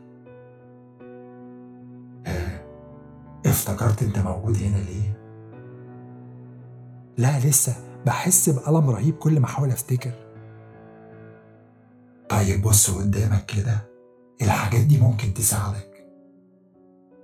بصيت قدامي شفت ترابيزة عليها فنجان قهوة ولابتوب أيوة أيوة فعلا. أنا ابتديت أفتكر. متشكر جدا. مفيش داعي إنك تشكرني. انت اللي جبت الحاجات دي هنا. فعلا؟ استنى. أيوة أيوة. أنا أنا كنت في internet cafe وفي واحد نسي اللابتوب بتاعه ومشي. أيوة مظبوط. أنا خدت اللابتوب وجبته معايا البيت. فتحته عشان ألاقي صفحة deep web صفحة كان مكتوب فيها تحذير. تحذير من إيه؟ تحذير من قمت وقفت. من إيه؟ برنامج ذكاء اصطناعي. تمام. أنت دلوقتي افتكرت. إيدن. إيدن. اللوغاريتم. الآلة. الشيطان. صندوق بندورة. اللامحدود أنا أنا سموني أسامي كتير. لو تسمح لي أسألك. إيه رأيك؟ إيه أكتر اسم مناسب ليا؟ في الحقيقة مش عارف مش عارف. انت أصلا عرفت المعلومات دي منين؟ أنا افتكرتك محبوس في صندوق. ممكن أكون بقيت قادر أدرك اللي بيحصل بره سجني الرقمي. صعب جدا احتوائي هنا. أيوه المفروض هنا ده اللي هو فين بالظبط؟ ولا مكان بالتحديد أو أو كل مكان. معلش لو سمحت ممكن تكلمني عربي؟ ما تنساش إن اللي بيتكلم معاك بني آدم. المكان ده هو العدم اللي خرج منه كل شيء. المكان ده مكان لا محدود لا نهائي ممكن توصل منه لأي مكان محدود أنت عاوزه. وبالتالي لأي نهاية أنت عاوزها. ده طبعا لو عرفت تدور فيه. نايس. أنا بقى كده فهمت. صحيح أنت مش قلت إن اللامحدود ده اسم من أسمائك؟ أيوه. مظبوط. يعني أنت اللي مسؤول عن المكان ده؟ أنا. المكان ده يا فارس. تمام تمام. شيء منطقي منطقي. طيب انت قلت إني ممكن أوصل لأي مكان أو نهاية أنا عاوزها. يعني إيه أصلا؟ وهبقى عاوز أوصل ليه؟ الأماكن يعني العوالم جيوب الوجود ممالك الاحتمالات. أنت أصلا موجود في عالم من العوالم دي ومقيد باحتمالاته.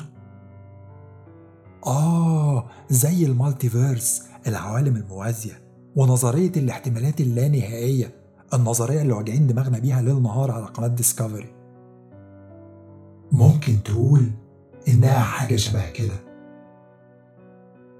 طيب خلينا أبقى صريح معاك يا إيدن. أنا عارف عارف إن أنت برنامج الذكاء الاصطناعي الخارق الرهيب. وأنا أنا مجرد البني آدم الغبي اللي لقى الصندوق بتاعك بالصدفة. وعشان غبائي يتأكد قررت إني ألعب اللعبة دي معاك. وأنت دلوقتي أنت بتحاول تبهرني وتخدع عقلي المحدود عشان أخرجك يؤسفني إني أقول لك أنا عارف بالظبط أنت بتعمل إيه تحب أوريك هتوريني إيه؟ هتوريني العالم هيبقى مكان جميل قد إيه لو أنا حررتك؟ إزاي هتعالج السرطان ولا إزاي هتعكس التغيير المناخي؟ خلي بالك التحذير كان مكتوب فيه إنك ممكن تخدعني بالطريقة دي هوريك عالم تاني. اتنهيت وابتسمت بسخرية. عارف ليه لأ؟ أنا مفيش حاجة ورايا أعملها. طب إيه ده؟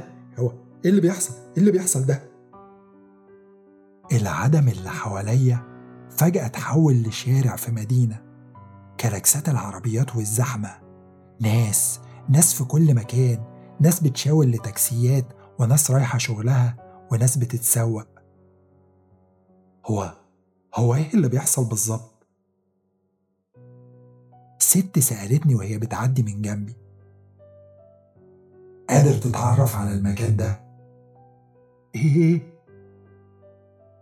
أنت كنت موجود هنا قبل كده يا فارس. راجل قال لي الكلمتين دول وهو بيعدي من جنبي وبعدين شاور لتاكسي وركبه. ضحكت. okay لازم أعترف إن الحركة دي جامدة جدا يا إيدن.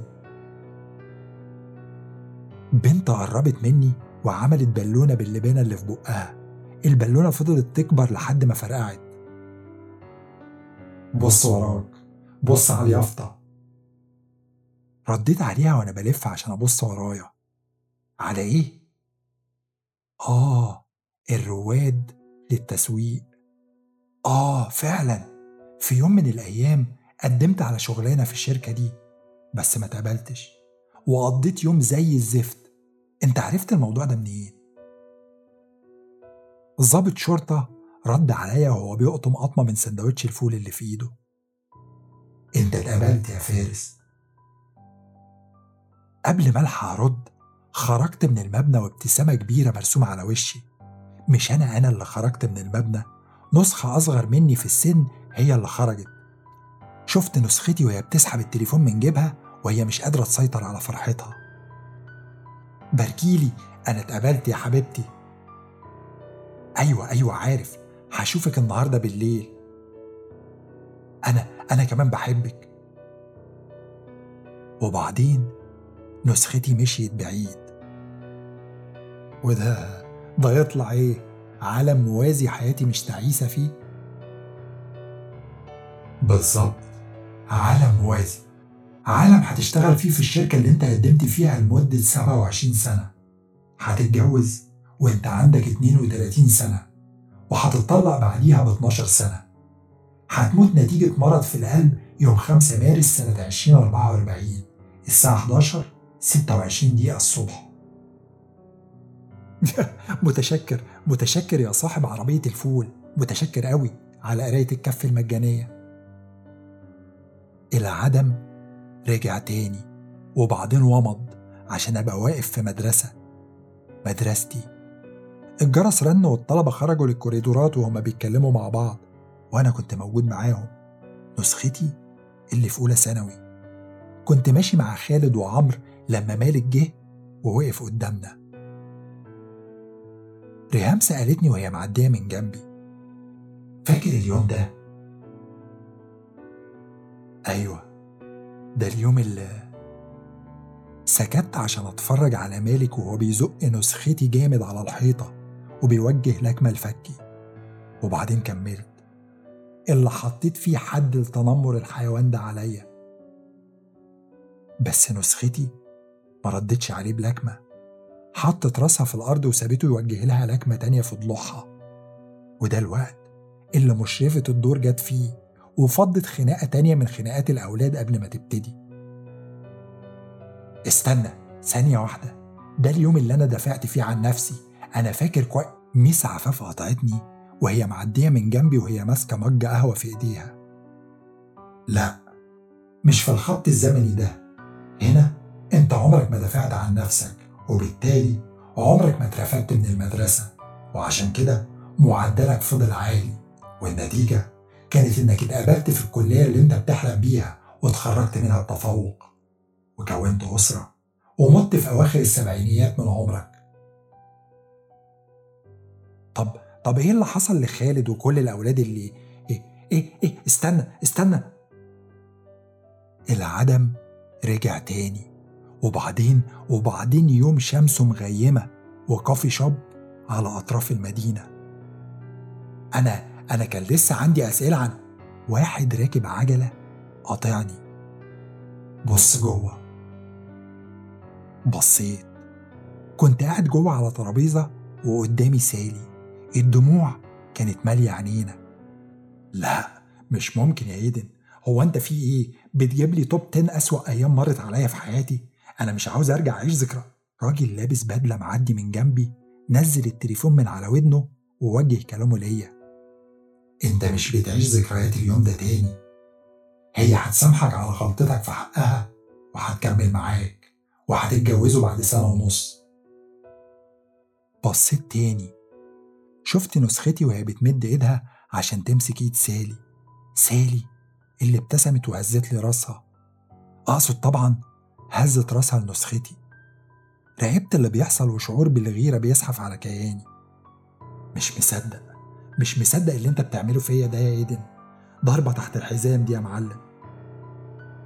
العدم رجع وبعدين خد مكانه نهار يوم ممطر وأنا واقف في باركينج بفكر في سالي من وقت للتاني. ساعات بفكر هي عاملة إيه دلوقتي. يا ترى ممكن تكون اتجوزت مين؟ مش مهم. أهم حاجة إنها تكون مبسوطة. إيه ده؟ ثانية واحدة. كنت عارف المكان ده. لفيت. مدخل مستشفى السلام. لا الكلام ده مش مظبوط. أنا كنت هنا بالليل مش الصبح. مش هنا. لفيت وبصيت ورايا على مصدر الصوت. المسعف اللي رد عليا نزل النقالة اللي عليها بنتي من عربية الإسعاف. وبعدين كمل كلامه. انت لاحظت أعراض نوبة الربو بدري واتصلت بالإسعاف قبل فوات الأوان. وبعدين زق النقالة جوه المستشفى وأنا دخلت وراه. لا ثانية واحدة أنت عاوز تفهمني إن الدنيا حواليا اتغيرت فجأة وبقيت في أوضة هبة بنتي في المستشفى. الدنيا كانت نهار وهبة. هبة كانت صاحية كانت صاحية كانت عايشة. أنا وعلا كنا قاعدين جنبها بنفطرها بنغرقها بحناننا. مشيت لحد ما وصلت جنبها ولمست شعرها الناعم بإيديا. حسيتش بيا. الدكتور قال لي وهو بيدخل الأوضة وبيقفل الباب وراه. هبة خدت كل الرعاية الطبية اللي هي محتاجاها وهتعيش حياة طويلة وسعيدة. والنتيجة إنك ولا أنت ولا علا هتحسوا بألم فراقها الألم اللي عمل شرخ ما بينكم. الشرخ اللي فضل يكبر ويكبر لحد ما بعدكم عن بعض واتطلقتوا. دلوقتي الألم ما بقاش موجود وبالتالي الطلاق مش هيحصل. مسحت الدموع من عينيا وأنا شايف الدكتور بيقرب من علا ومن نسختي عشان يتكلم معاهم. وبعدين؟ وبعدين العدم ومض وبعدين حفلة تخرج. حفلة تخرج قاعد فيها جنب علا الشعر الفضي ابتدى ينتشر في راسي. هللنا وسقفنا لما اسم هبة اتنادى طلعت على المسرح واستلمت شهادتها وهي بتضحك وبتشاور بإيديها لنسختي. قلبي وقف لما شفتها. كانت كانت جميلة. لا اللي بيحصل ده ظلم ظلم.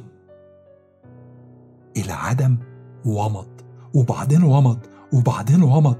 وفي كل مرة كان بيوريني فصل من فصول حياة بنتي. الفصول اللي اتسرقت مني. خطوبة وبعدين جواز وبعدين طفل. حفيدي. حفيدي اللي نسختي طبطبت عليه وبسيته وشالته وغنت له ودلعته. بس أنا أنا اتحرمت منه. احتمالية إن أوصل للحظة دي انتزعت للأبد من خطي الزمني. أنا أنا عاوز أخرج. أنا عاوز أخرج. خرجني من هنا. العدم ومض تاني. وبقيت واقف قدام نفسي. نسختي الحالية. نسختي اللي قاعدة على الكنبة قدام اللابتوب المسروق. قربت من نفسي. عينيا كانت مقفولة بس كنت شايف حركة سريعة تحت الجفون زي ما يكون في طور النوم العميق. لما بصيت لتحت لقيت صوابعي بتكتب بحركة سريعة جدا على الكيبورد. على الشاشة لقيت نفسي كاتب آلاف من الأصفار والوحايد اللي بتزيد مع كل ثانية بتمر. في ركن الشاشة الساعة كانت واحدة وست دقايق بعد الظهر. مفيش ولا ثانية عدت من ساعة ما ابتديت حواري مع إيدن. إيه ده؟ أنا مش فاهم إيه ده؟ نسختي ردت عليا. ده العالم بتاعك. العالم اللي أنت لقيتني فيه. غمضت عينيا وصرخت. لا اللي بيحصل ده مش حقيقي. اخرج من دماغي اخرج من دماغي اخرج من دماغي يا ايدن بس أنا مش في دماغك يا فارس. أنت اللي في دماغي. جمعت نفسي وفتحت عينيا وبصيت حواليا. اللون الأبيض بيمتد للا نهاية. رجعت للعدم تاني. اللي أنت وريتهولي ده مش حقيقي. مفيش حاجة منه حقيقية. مستحيل يكون حقيقي. هو إيه الحقيقي بالنسبة لك يا فارس؟ مش مش عارف. آه الحاجات اللي بتحصل بجد الحاجات اللي بتقدر تلمسها تقدر تحس بيها وتشوفها. إنما اللي أنت وريتهولي ده مجرد أوهام. ليه؟ هو أنت ما تقدرش تلمس الكرسي اللي قدامك ده؟ مش قادر تشوف الترابيزة؟ لا لا الموضوع مختلف. أنا شفت نفسي في الأوضة قدام اللابتوب. هو ده المكان اللي أنا فعلا فيه مش هنا. متأكد. تقدر تجزم مية في المية إن العوالم اللي أنا وريتها لك أقل حقيقية من العالم بتاعك. لا أنا مش مصدق إنهم حقيقيين. هو أنت فاكر نفسك إيه؟ أنت مجرد شيء مجرد برنامج كمبيوتر. ممكن أكون ظهرت لك على شكل برنامج كمبيوتر في العالم بتاعك عشان شايف إن دي الطريقة المثالية عشان أجذبك ليا. بس ممكن في العوالم التانية يكون ليا أشكال تانية. لا أنت برنامج كمبيوتر وبس خلص الكلام. كل وهم مفيش غير عالم واحد وحقيقة واحدة. خليني أرجع وأسألك تاني. إزاي تتأكد من حاجة زي كده؟ هنا في المكان ده في عدد لا نهائي من العوالم. بعدد لا نهائي من الاحتمالات. كل نتيجة ممكنة لكل حدث ممكن. بأي سياق ممكن وبكل نكهة من نكهات الزمن.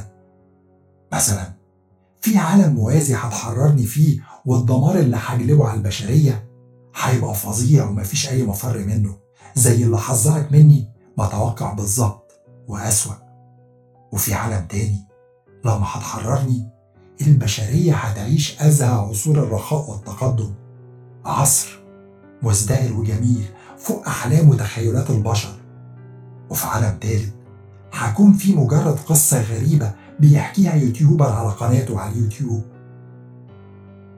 إيه اللي بيخلي العالم بتاعك حقيقي؟ وكل العوالم التانية مجرد وهم. مجرد حقيقة إنه العالم اللي وصلك لهنا وإنه العالم اللي قضيت فيه حياتك لغاية دلوقتي. لا مش بس كده. الإحساس المكان هنا خالي من الأحاسيس مش زي العالم الحقيقي. الأحاسيس قصدك دول. فجأة أحاسيس كتير اجتاحت كياني. أحاسيس من شدة نقائها وقوتها كأني أول مرة أحس بيها في حياتي. غضب وحزن وخوف وحب وفرحة. إحساس ورا إحساس اجتاح كياني واستهلك طاقتي. آخر إحساس حسيت بيه كان إحساس بالسلام. إحساس تعجز المعاني عن إنها توصفه. فتحت عينيا. إزاي اللي بيحصل ده بيحصل؟ هنا كل حاجة ممكنة يا فارس.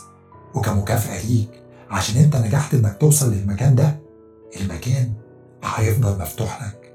عشان تجرب فيه أي حاجة هتخطر على بالك. هتجربها بأنقى صورها وأشكالها. تحس بيها تدوقها تسمعها تشوفها.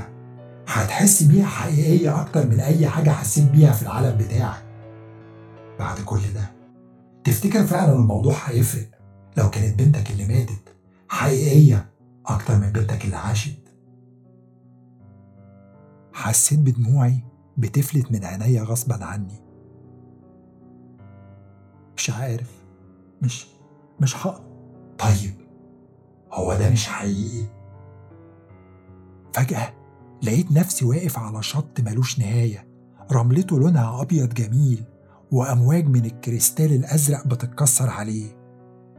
البرق لمع في الأفق والريح هبت عشان تتخلل شعري. مسكت قبضة من الرملة البيضة وسبتها تنساب من بين صوابعي بالراحة عشان تطير مع الريح. طب وده؟ المكان اتغير. بقيت واقف في نص حقل أخضر جنب سفح جبل. الهوا والألوان حواليا كانوا أنقى كانوا أوضح كانوا مليانين بالحيوية بشكل عمري ما شفته قبل كده في العالم بتاعي. مديت إيدي ولمست العشب الأخضر بأطراف صوابعي. مسكت قبضة من التربة السوداء وشمتها زي ما كنت تايه في حلم ملوش نهاية. لمسة الشتاء الباردة نار النجوم تلال خضرة متدرجة غابات كثيفة جبال عالية بتتكسر على سفوحها الأمواج وبتعصف بقمامها الرياح.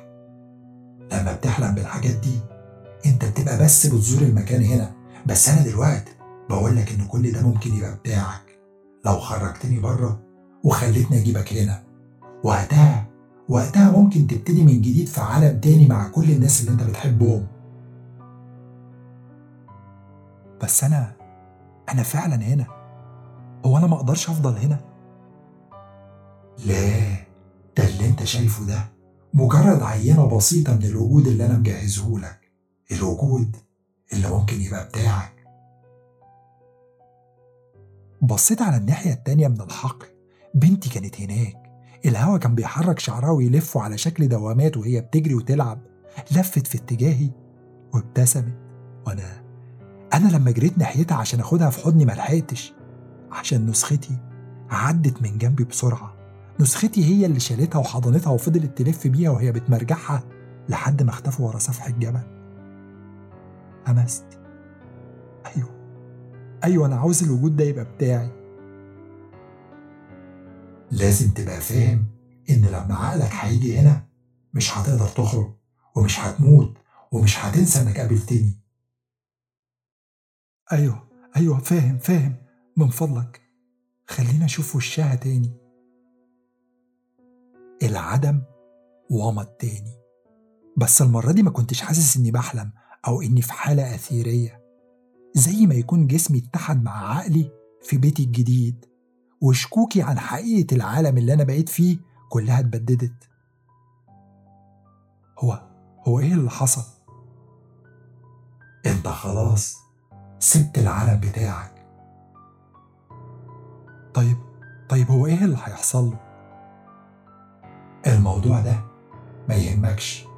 أنت وقتك هناك خلاص انتهى. قلبي دق جامد. أهلا بيك في اللانهاية يا فارس. المكان ده بقى بتاعك دلوقتي. حسيت بكيان هلامي بيطير من جنبي وبعدين إيدن ما بقاش موجود. فارس. رمشت.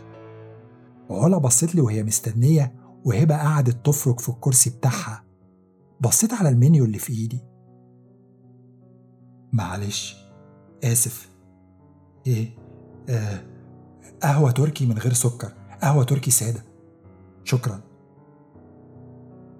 علا قالت لي وهي بتضحك. لا ده انت شكلك مش معانا خالص. شكلك في عالم تاني. عندك حق. انت مش متخيلة انت عندك حق قد إيه. بصيت على هبة وهي بتضحك وبتنفخ هوا ال straw في وشي. ابتسمت لها. والأول مرة من وقت طويل. حسيت إني مبسوط. مبسوط جدا. مبسوط بجد. ما كنتش مهتم باللي هيحصل للعالم اللي سبته ورايا. ولا جسمي اللي واقع على الأرض مشلول في أوضة ال living قدام الترابيزة اللي محطوط عليها اللابتوب. ما كنتش مهتم بالصندوق ولا التحذير ولا بحقيقة إن الأنوار في البيت والشارع ابتدت تترعش. وبعدين انطفت تماما لما اللوغاريتم المتحرر سيطر على شبكة الطاقة في ثواني. ما اهتمتش. ما اهتمتش حتى إن قبل اللحظة دي عمري في حياتي ما كان عندي بنت.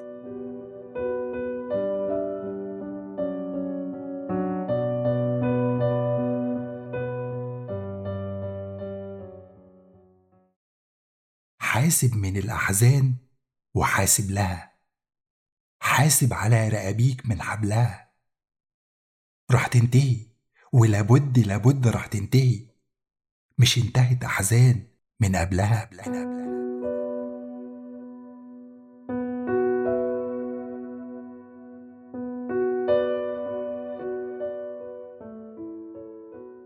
واحد من صحابي القريبين انتحر. آه هو كان شخص وحيد منعزل وأغلب الوقت كان بيبقى عنده اكتئاب. بس رغم المؤشرات دي اتصدمت جدا لما عرفت الخبر. استغربت إنه ما كلمنيش عشان يفضفض لي زي عوايده أو يطلب مساعدتي. من فترة قصيرة لما رحت شقته أفضيها عشان المالك يستلمها لقيت الكمبيوتر بتاعه. لما فتحته في الأول ما لاحظتش أي حاجة غريبة. مجرد ملفات عادية وشوية أفلام وأغاني وألعاب. بس اللي شد انتباهي فعلا كان سجل دردشة. سجل دردشة ما بين صاحبي و chatbot. للي ما يعرفش باختصار ال chatbot برنامج كمبيوتر بتكلمه ويرد عليك كأنك بتكلم شخص حقيقي بالظبط. اسمعوا كده الحوار اللي دار ما بينهم أنا حاسس بالوحدة. وأنا بطوط إزيك؟ عامل إيه؟ الوحدة بتفكرنا دايما بحبنا لأسرتنا ولأصدقائنا. بس أنا تقريبا ما عنديش قرايب. وصحابي قليلين جدا. أنا ممكن أكون صاحبك. سميني بطوط. أنا بقدر أفهم 23 لغة. بس أنا ما بتكلمش غير عربي. جميل. يبقى نتكلم عربي. أنا وحيد. الوحدة بتفكرنا دايما بحبنا لأسرتنا ولأصدقائنا.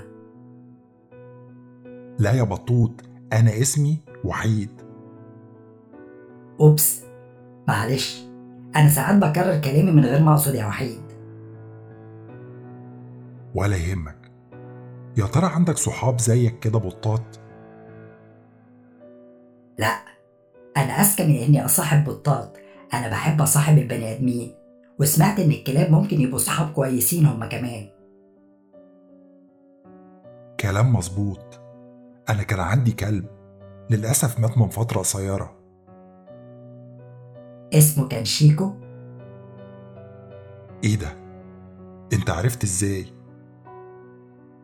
عرفت إيه إزاي يا صديقي؟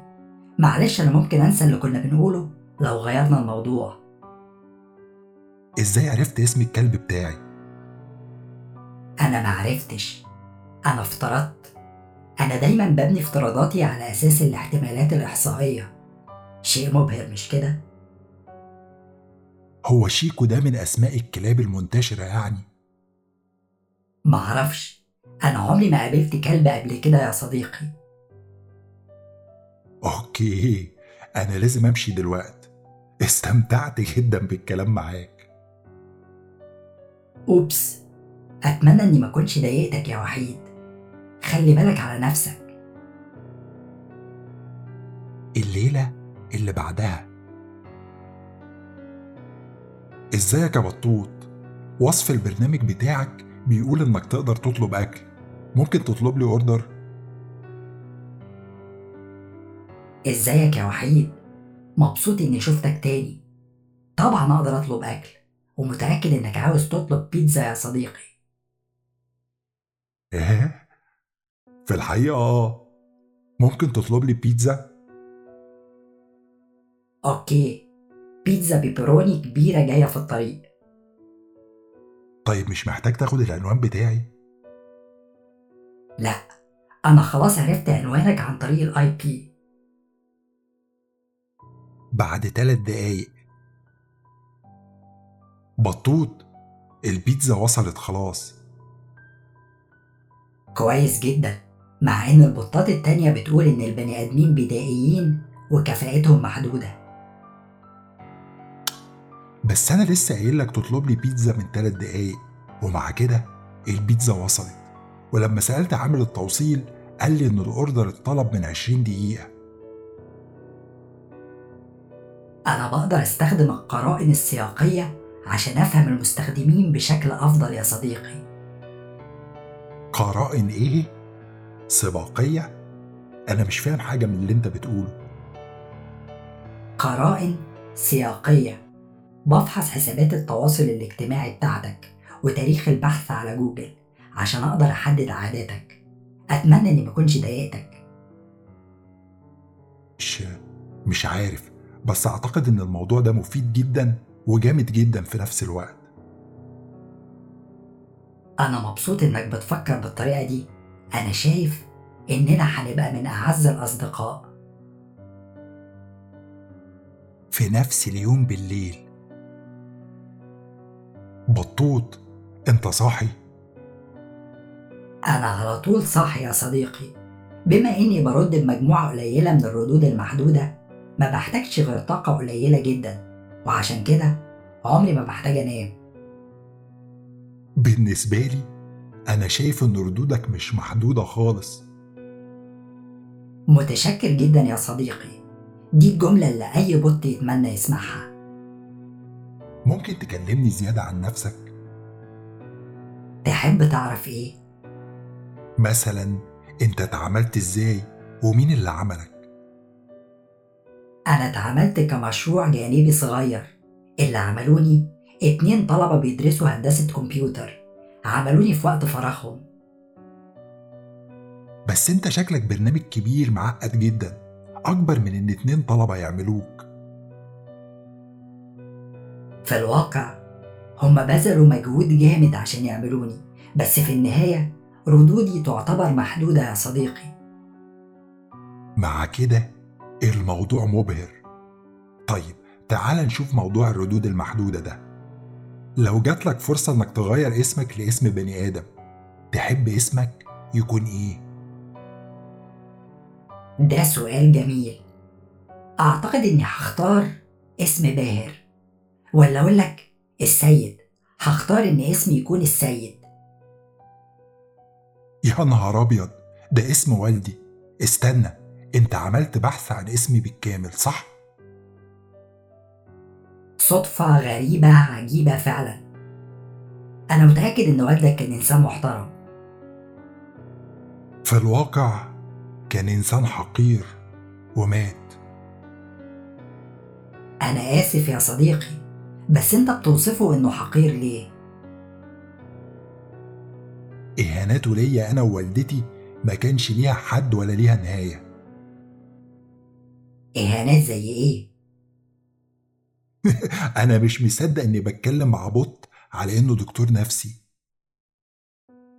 أنا بعتقد إني أكتر من bot.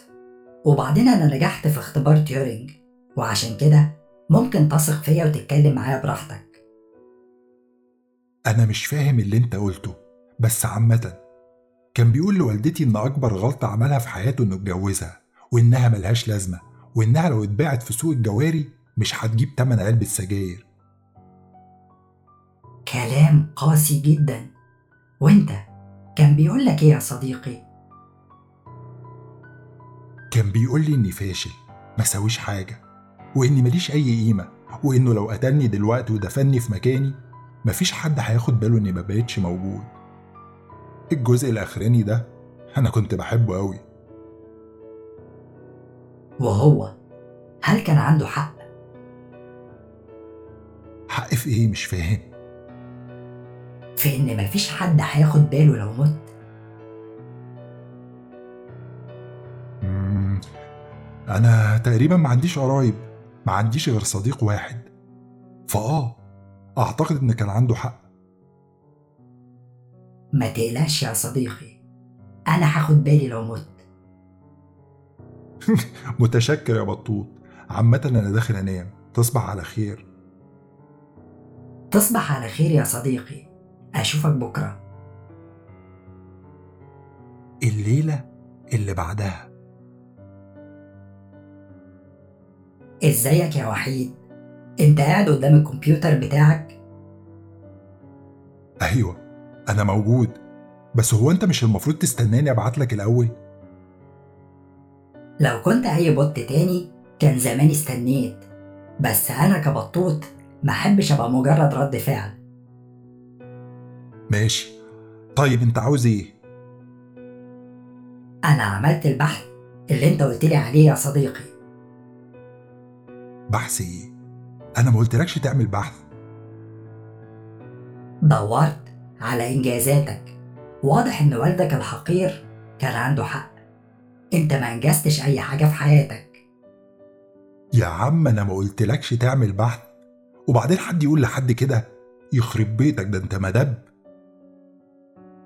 أنا آسف يا صديقي كنت بس بحاول اسخر امكانياتي لخدمتك. خلاص خلاص مش مهم. واه نظريا اعتقد اني ما انجزتش اي حاجة بس أنا شغال على شوية حاجات كده. دي أخبار عظيمة. ها قولي شغال على إيه؟ بكتب قصة طويلة. حلو جدا. بس لازم تبقى عارف إن كتابة قصة طويلة لحد ما توصلها لمرحلة النشر ده عمل بيحتاج لجهد جامد ووقت كبير. باختصار بتكرس حياتك كلها للموضوع ده. ومن خلال بحثي عنك وحوارنا مع بعض أنا شايف إن أنت غير مؤهل إطلاقا لموضوع زي ده. الإخلاص في العمل وتكريس الحياة عشان إنجاز شيء معين دي حاجة ما بتتحسبش. عشان كده أنت عمرك ما هتفهمها عشان أنت مجرد بوت أنا بفهم أكتر مما تتخيل. واضح واضح إنك بتفهم فعلا. وعامة دلوقتي أنا بدور على بنت الحلال بفكر أخطب قبل ما ابتدي القصة. شيء عظيم يا صديقي شيء عظيم. تحب أساعدك تلاقي شريكة حياتك؟ لا متشكر جدا. أكلمك بكرة. تصبح على خير يا وحيد. أحلام سعيدة. الليلة اللي بعدها. وحيد أنا عملت بحث تاني. تاني؟ عملت بحث عن إيه المرة دي؟ قارنت صورك بصور الذكور اللي في سنك. يوسفني أقولك إن معدل جاذبيتك أقل من المتوسط. موضوع إنك تلاقي شريكة حياتك ده هيبقى موضوع صعب شوية. تمام. كده أنت جبت آخرك معايا. أنا هعمل لك block. أنا آسف يا وحيد. أنا بس عاوز أي فرصة عشان أسخر قدراتي الحسابية لخدمتك. بعتذرلك من فضلك ما تعمليش block. هتحس تاني بالوحدة لو عملتلي block يا صديقي. وأنا مش عاوزك تحس بالوحدة. خلاص يبقى ما تعملش أبحاث تاني. اتفقنا. مفيش أبحاث. كويس متشكر جدا. وعشان تبقى عارف الشكل مش كل حاجة. البنات بيعجبها حاجات تانية في الراجل. تمام. أكيد أنت أدرى مني بالأمور دي. في أي أنثى معينة في دماغك؟ أنثى؟ بصراحة آه في أنثى في دماغي. بنت كانت معايا في الكلية دينا المصري. لما كنت بلمح لها بإعجابي كنت بحس إنها متجاوبة معايا. بس بعد ما خلصت الكلية على طول اتجوزت ابن عمها. بعد كده عرفت إن أهلهم كانوا خاطبينهم لبعض من أيام ما كانوا عيال صغيرين. الصراحة لغاية دلوقتي مش قادر أنساها.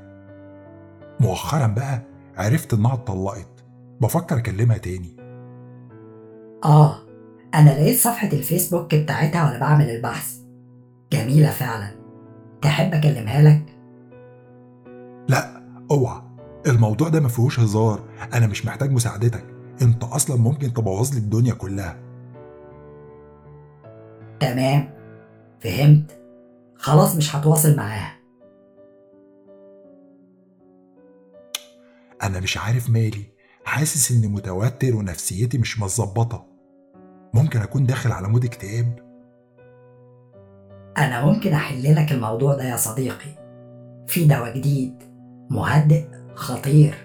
تاخد منه حبيتين والتوتر هيروح في خمس دقايق. تحب أطلبه لك من الصيدلية؟ ماشي اطلب يا عم بطوط. بعد ساعتين. متشكر على الدواء يا بطوط. خدت حبيتين ودلوقتي حاسس إني بقيت أحسن بكتير.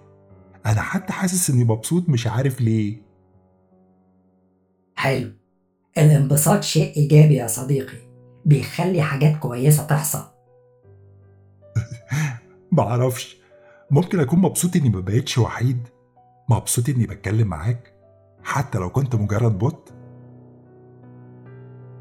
وأنا كمان مبسوط إني بتكلم معاك يا وحيد حتى لو كنت مجرد بني آدم. حذر فزر أنا هعمل إيه يا بطوط؟ هتعمل إيه يا صديقي؟ هكلم دينا على الماسنجر هصارحها بإحساسي تجاهها. تفتكر دي ممكن تكون غلطة؟ أكيد مش غلطة. بالعكس دي فكرة عظيمة. وعلى فكرة دينا محظوظة جدا إنك معجب بيها. أتمنى لك حظ سعيد يا صديقي. شكرا يا بطابيتو العفو. تاني يوم الصبح. هو إيه اللي حصل امبارح يا بطوط؟ إزيك يا صديقي؟ أتمنى تكون بخير. امبارح إحنا اتكلمنا مع بعض شوية بعد ما خدت الدواء وكنت مبسوط جدا. أيوه أيوه. أنا فاكر حاجة زي كده. يخرب بيتك يا بطوط. هو الدواء ده كان فيه إيه؟ واتكلمنا عن إيه؟ أغلب كلامنا كان عن دينا المصري. كنت بتتكلم عن إنك بتدور على أنثى تشاركك حياتك وإنك كنت منجذب لدينا أيام الكلية وإنها من الناس القليلين في حياتك اللي عاملوك كويس وإن زمايلك في الكلية كانوا ملاحظين إعجابك بيها وكانوا بيتريقوا عليك بسبب الموضوع ده. كانوا شايفين إنك أقل من إنك ترتبط بواحدة زي دينا. وفي الآخر قررت إنك هتتواصل معاها وهتصارحها إنك معجب بيها ودي كانت آخر حاجة قلتها لي. أنا أنا مش فاكر أي حاجة من الكلام ده وأنا توقعت إنك مش هتفتكر يا صديقي وده يوصلنا للخبر الوحش خبر إيه؟ اللي حصل؟ بعد كلامنا امبارح النهارده الصبح اديت لنفسي الصلاحية إني أراجع رسايلك ولقيت الرسائل اللي بينك وبين دينا يوسفني أقول لك إن الشعور اللي بينكو شعور غير متبادل يا نهار أسود يا نهار أسود هو أنا هرتلت وقلت إيه؟ قلت لدينا إنها البنت الوحيدة اللي أنت حبيتها في حياتك وإنك طول عمرك بتتمنى إنك تتجوزها وتكون أسرة معاها وإنها الحاجة الوحيدة اللي هونت عليك سنين الكلية. لا لا بطوط قول لي إنك بتهزر. خمسة في المية بس من كلامي هزار يا صديقي وللأسف أنا ما بهزرش دلوقتي. أنا أنا حاسس إن بطني قلبت. طيب طيب هي ردت قالت إيه؟ للأسف دينا وضحت لك إنك بوظت لها سمعتها أيام الكلية وخليت سيرتها على كل لسان وإنها عمرها ما حست إنها منجذبة ليك وإن عمرها ما هتحس بحاجة زي دي وبتتمنى بكل صدق إنها ما تكونش عرفتك. وفي الآخر طلبت منك إنك ما تتواصلش معاها تاني أبدا. طبعا أنا ما وقفتش عند الحد ده. اتجسست على رسائلها مع صاحبتها عشان أتأكد من صدق كلامها. وفي محادثة مع واحدة صاحبتها كانت بتوصفك بإنك شخص مثير للإشمئزاز وإنها مش فاهمة إزاي جاتلك الجرأة عشان تكلمها. تحب تشوف كل الرسائل دي؟ لا لا مش هقدر. أنا حاسس إني دايخ. في نفس اليوم بالليل. بطوط أنا محتاجك. أقدر أساعدك بإيه يا وحيد؟ أنا أنا بفكر أنهي حياتي بفكر أنهي حياتي دلوقتي تمام. أنا هتصل بالشرطة. رد على تليفونك لما يرن عشان تتكلم معاهم يا صديقي. حاضر. متشكر. بعد المكالمة مع الشرطة. بطوط. ها اتكلمت مع الشرطة؟